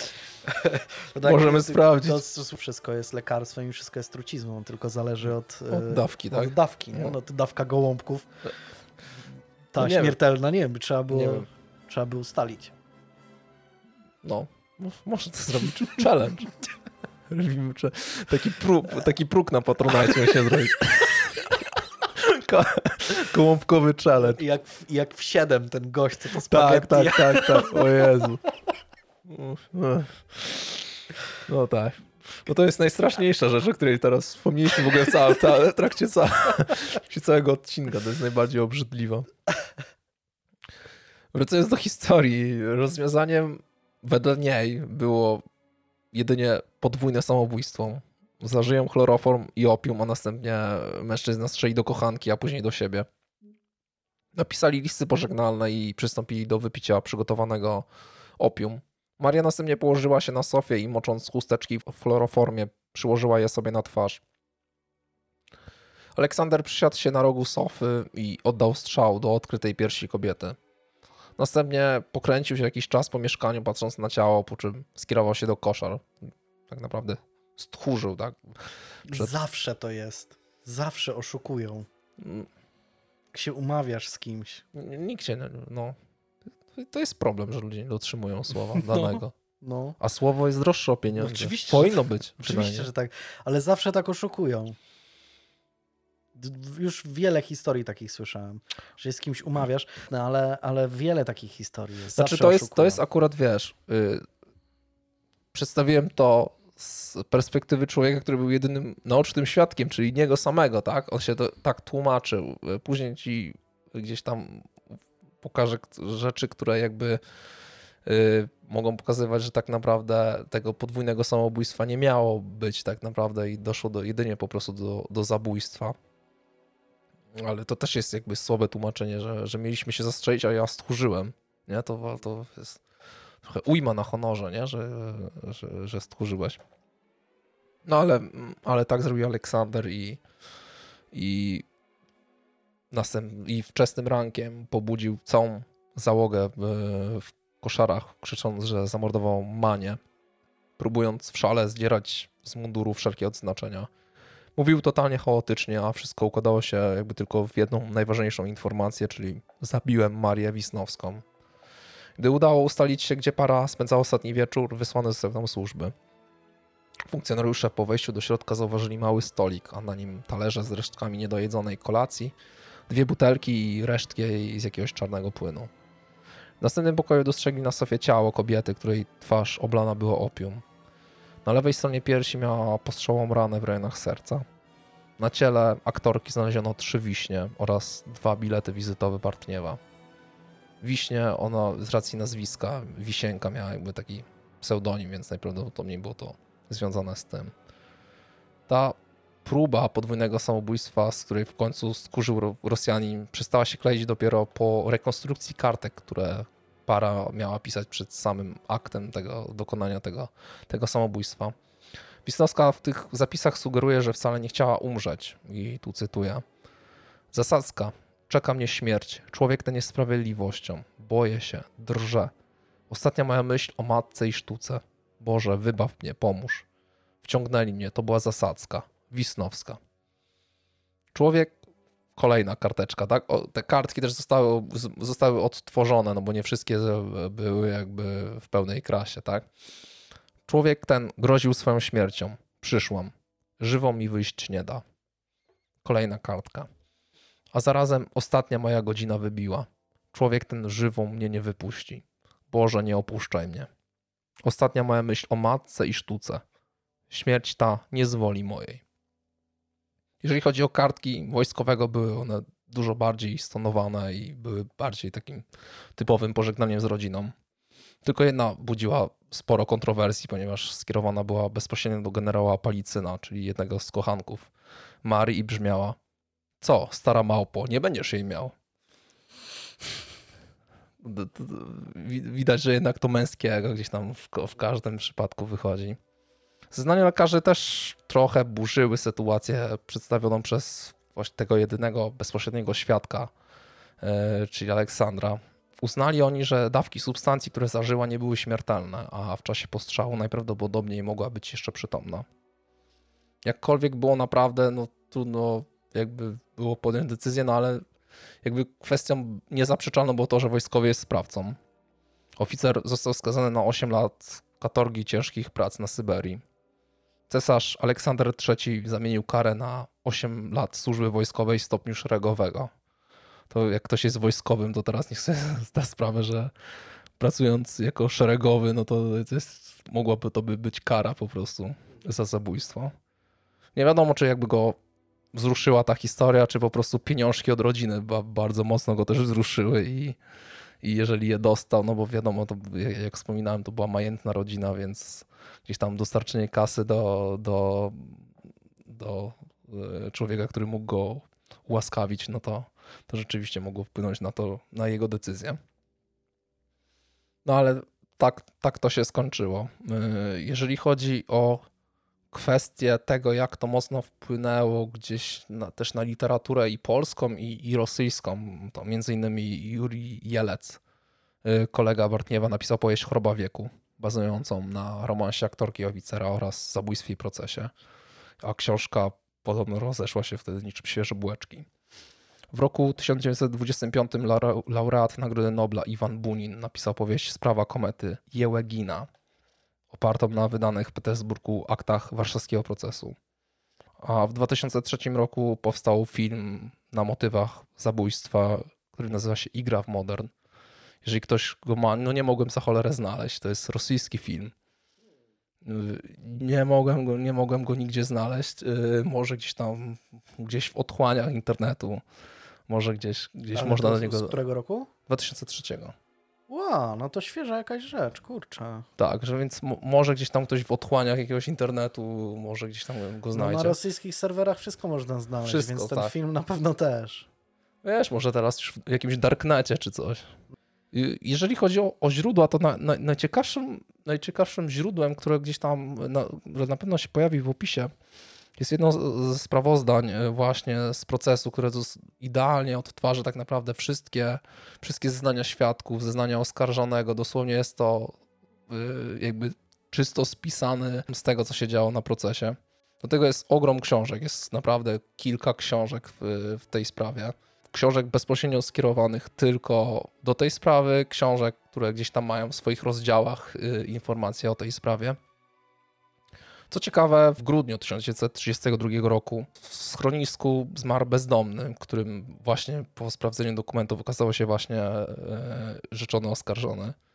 Ten podobno przed śmiercią miał często wizytować na powązkach przy grobie Marii oraz krążyć między Nowogrodzką a Złotą, gdzie właśnie mieszkała kobieta. Y, I ta historia y, opisana jako e- epilog pojawiła się na łamach Tajnego Detektywa. Najlepsza gazeta. Najlepsza gazeta, tak. Więc y, a, akurat to się fajnie zbiegło z momentem, w którym został odnaleziony, więc, więc mogli wrócić do tej sprawy. Sprzed, sprzed kilku lat tak naprawdę, no z kilkunastu. Mm. E, W ogóle nie słyszałem o tej, o tej sprawie. E, Wpisałem sobie e, Maria Wisnowska i widzę, że nawet są zdjęcia z miejsca zbrodni. Jest sporo, bo można znaleźć. Bardzo jest fajny y, pomnik, który został jej postawiony. Tak, tak, widzę właśnie. No. On został w jakimś tam. On został też odnowiony, oczywiście, nie? Aha. On nie wygląda identycznie jak No. wtedy, ale, ale rzeczywiście widać tam, że tam widać może nie pieniążek, ale widać też, że rzeczywiście, że ktoś, ktoś kto miał, miał wiedzę i, i, i skille, dokonał, wiesz, stworzył ten, ten, ten nagrobek, nie tak jak teraz się robi, wiesz. Zdjęcie wklejasz. Ale tak, tajny detektyw jak zwykle nie zawodzi. To jest świetna gazeta. No niestety, no bardzo krótko w ten, nie? No, ale zobacz, ale ile, ile, Ile ile smaczków, tych, tych smaczków, ile, ile No. ciekawych rzeczy, nie? Znaczy, bardzo często jest to jedno z niewielu źródeł, nie? z których można, można gdzieś tam korzystać, jeśli chodzi i o zdjęcia, i, Tak, tak, tak, no. I, i, i, i no jakby cały przebieg różnego rodzaju spraw, które z jakiegoś powodu tak się nie przedostały do takiego, wiesz, do takiej powszechnej świadomości mimo wszystko. E, No bo okej, Maria Wisnowska ma stronę na Wikipedii, ale no mimo wszystko wydaje mi się, że gdyby tak się przejść z y, sondą po, po ulicy, to raczej n- niewiele Nie, no raczej nikt, no to, to jest trochę no, zamieszłe czasy trochę, Mhm. nie? No, ale wiesz, czy no nie wiem, z takich powiedzmy bardziej zamieszłych czasów to Gorgonowa jest takim klasykiem. No nie, no to jest ale myślę, że i tak to Niewiele nie jest coś takiego, co, co by powiedzmy wiele ludzi e, poznało. Wydaje mi się, że to są zbyt stare czasy, żeby do tego wrócić, nawet jeżeli teraz jest trochę, jest trochę moda na true crime, tak? I Mhm. nawet gdzieś tam te książki się tam pojawiają, to wydaje mi się, że tam jest już jest za mało źródeł, żeby do tego dojść, tak? Nawet te akta, to, to, to, to wszystko, przecież Może to są tak. zbyt stare czasy, nie? To Może jest w tak. ogóle nawet, nawet jeżeli przeczytasz to sprawozdanie, tak? To jest trochę też innym językiem pisane, więc to trzeba mocno gdzieś tam, jeżeli chcesz z tego stworzyć jakiś tam scenariusz do, do historii, tak, do czegoś, no to jednak to trzeba na współczesne czasy mocno, No. mocno gdzieś tam przekształcać. No, może czeka nas jeszcze, mm, jeśli jest ta moda właśnie na ten, na ten true crime, to może czeka nas po części takie odkopanie jakichś spraw, o których, o, o, o których e, nie słyszeliśmy przynajmniej tak jakoś bardziej szczegółowo, nie? Ta sprawa zresztą przypomina mi trochę tę sprawę z Gruzji, o której opowiadałeś, nie? Z Mhm. tą To jest, Przybyszewską, tak, nie? to jest bardzo, bardzo podobna to też historia. po- pokazuje trochę klimat Y, tamtych czasów, tak, nie? bo też Przybyszewski, yy, sam Przybyszewski, nie mówię o Przybyszewskiej, ale Mhm. on też dużo pisał o taki, o śmierci, ogólnie Tak, o tak, tak, takich no. rz- rzeczach, więc, więc to też pokazuje, że to jest, to jest mniej więcej, nie pamiętam już roku, tamtej historii, tak, ale to jest mniej więcej podobny, Mhm. podobny okres na pewno. Tak też mi się wydaje, mm, bo, no, no bo są, jakby ten, ten motyw przewodni jest, y, jest podobny. Jest bardzo nie? podobny i ja, znaczy samo to, że jakby przesłuchałem y, tą, tą kwestię o, o chloroformie, który moim zdaniem jest mega, mega ciekawą rzeczą, bo sam chloroform właśnie kojarzysz bardziej gdzieś z filmów czy z gier, a tu się okazuje, że rzeczywiście że rzeczywiście gdzieś tam medycznie był początkowo wykorzystywany i jakby taki był podstawowa, taka była podstawowa rola, tak, te, te, tej substancji. No to właśnie mi się ten chloroform od razu mi się skojarzył. Wydaje mi się, że gdzieś tam o historię po prostu, o tej historii właśnie czytałem gdzieś, jeżeli jak przygotowywałem sprawę Przybyszewskiej i gdzieś mi tam, tam wiesz, gdzieś taka żarówka nad głową się pojawiła, gdzieś tam z te styki w głowie, gdzieś tam jakoś to Wertując połączyły. tajnego detektywa, może numer przed albo numer po była ta sprawa. Być nie? może, być Zwłaszcza, może. że tych numerów tajnego nie było za wiele, Mm. więc, więc ten.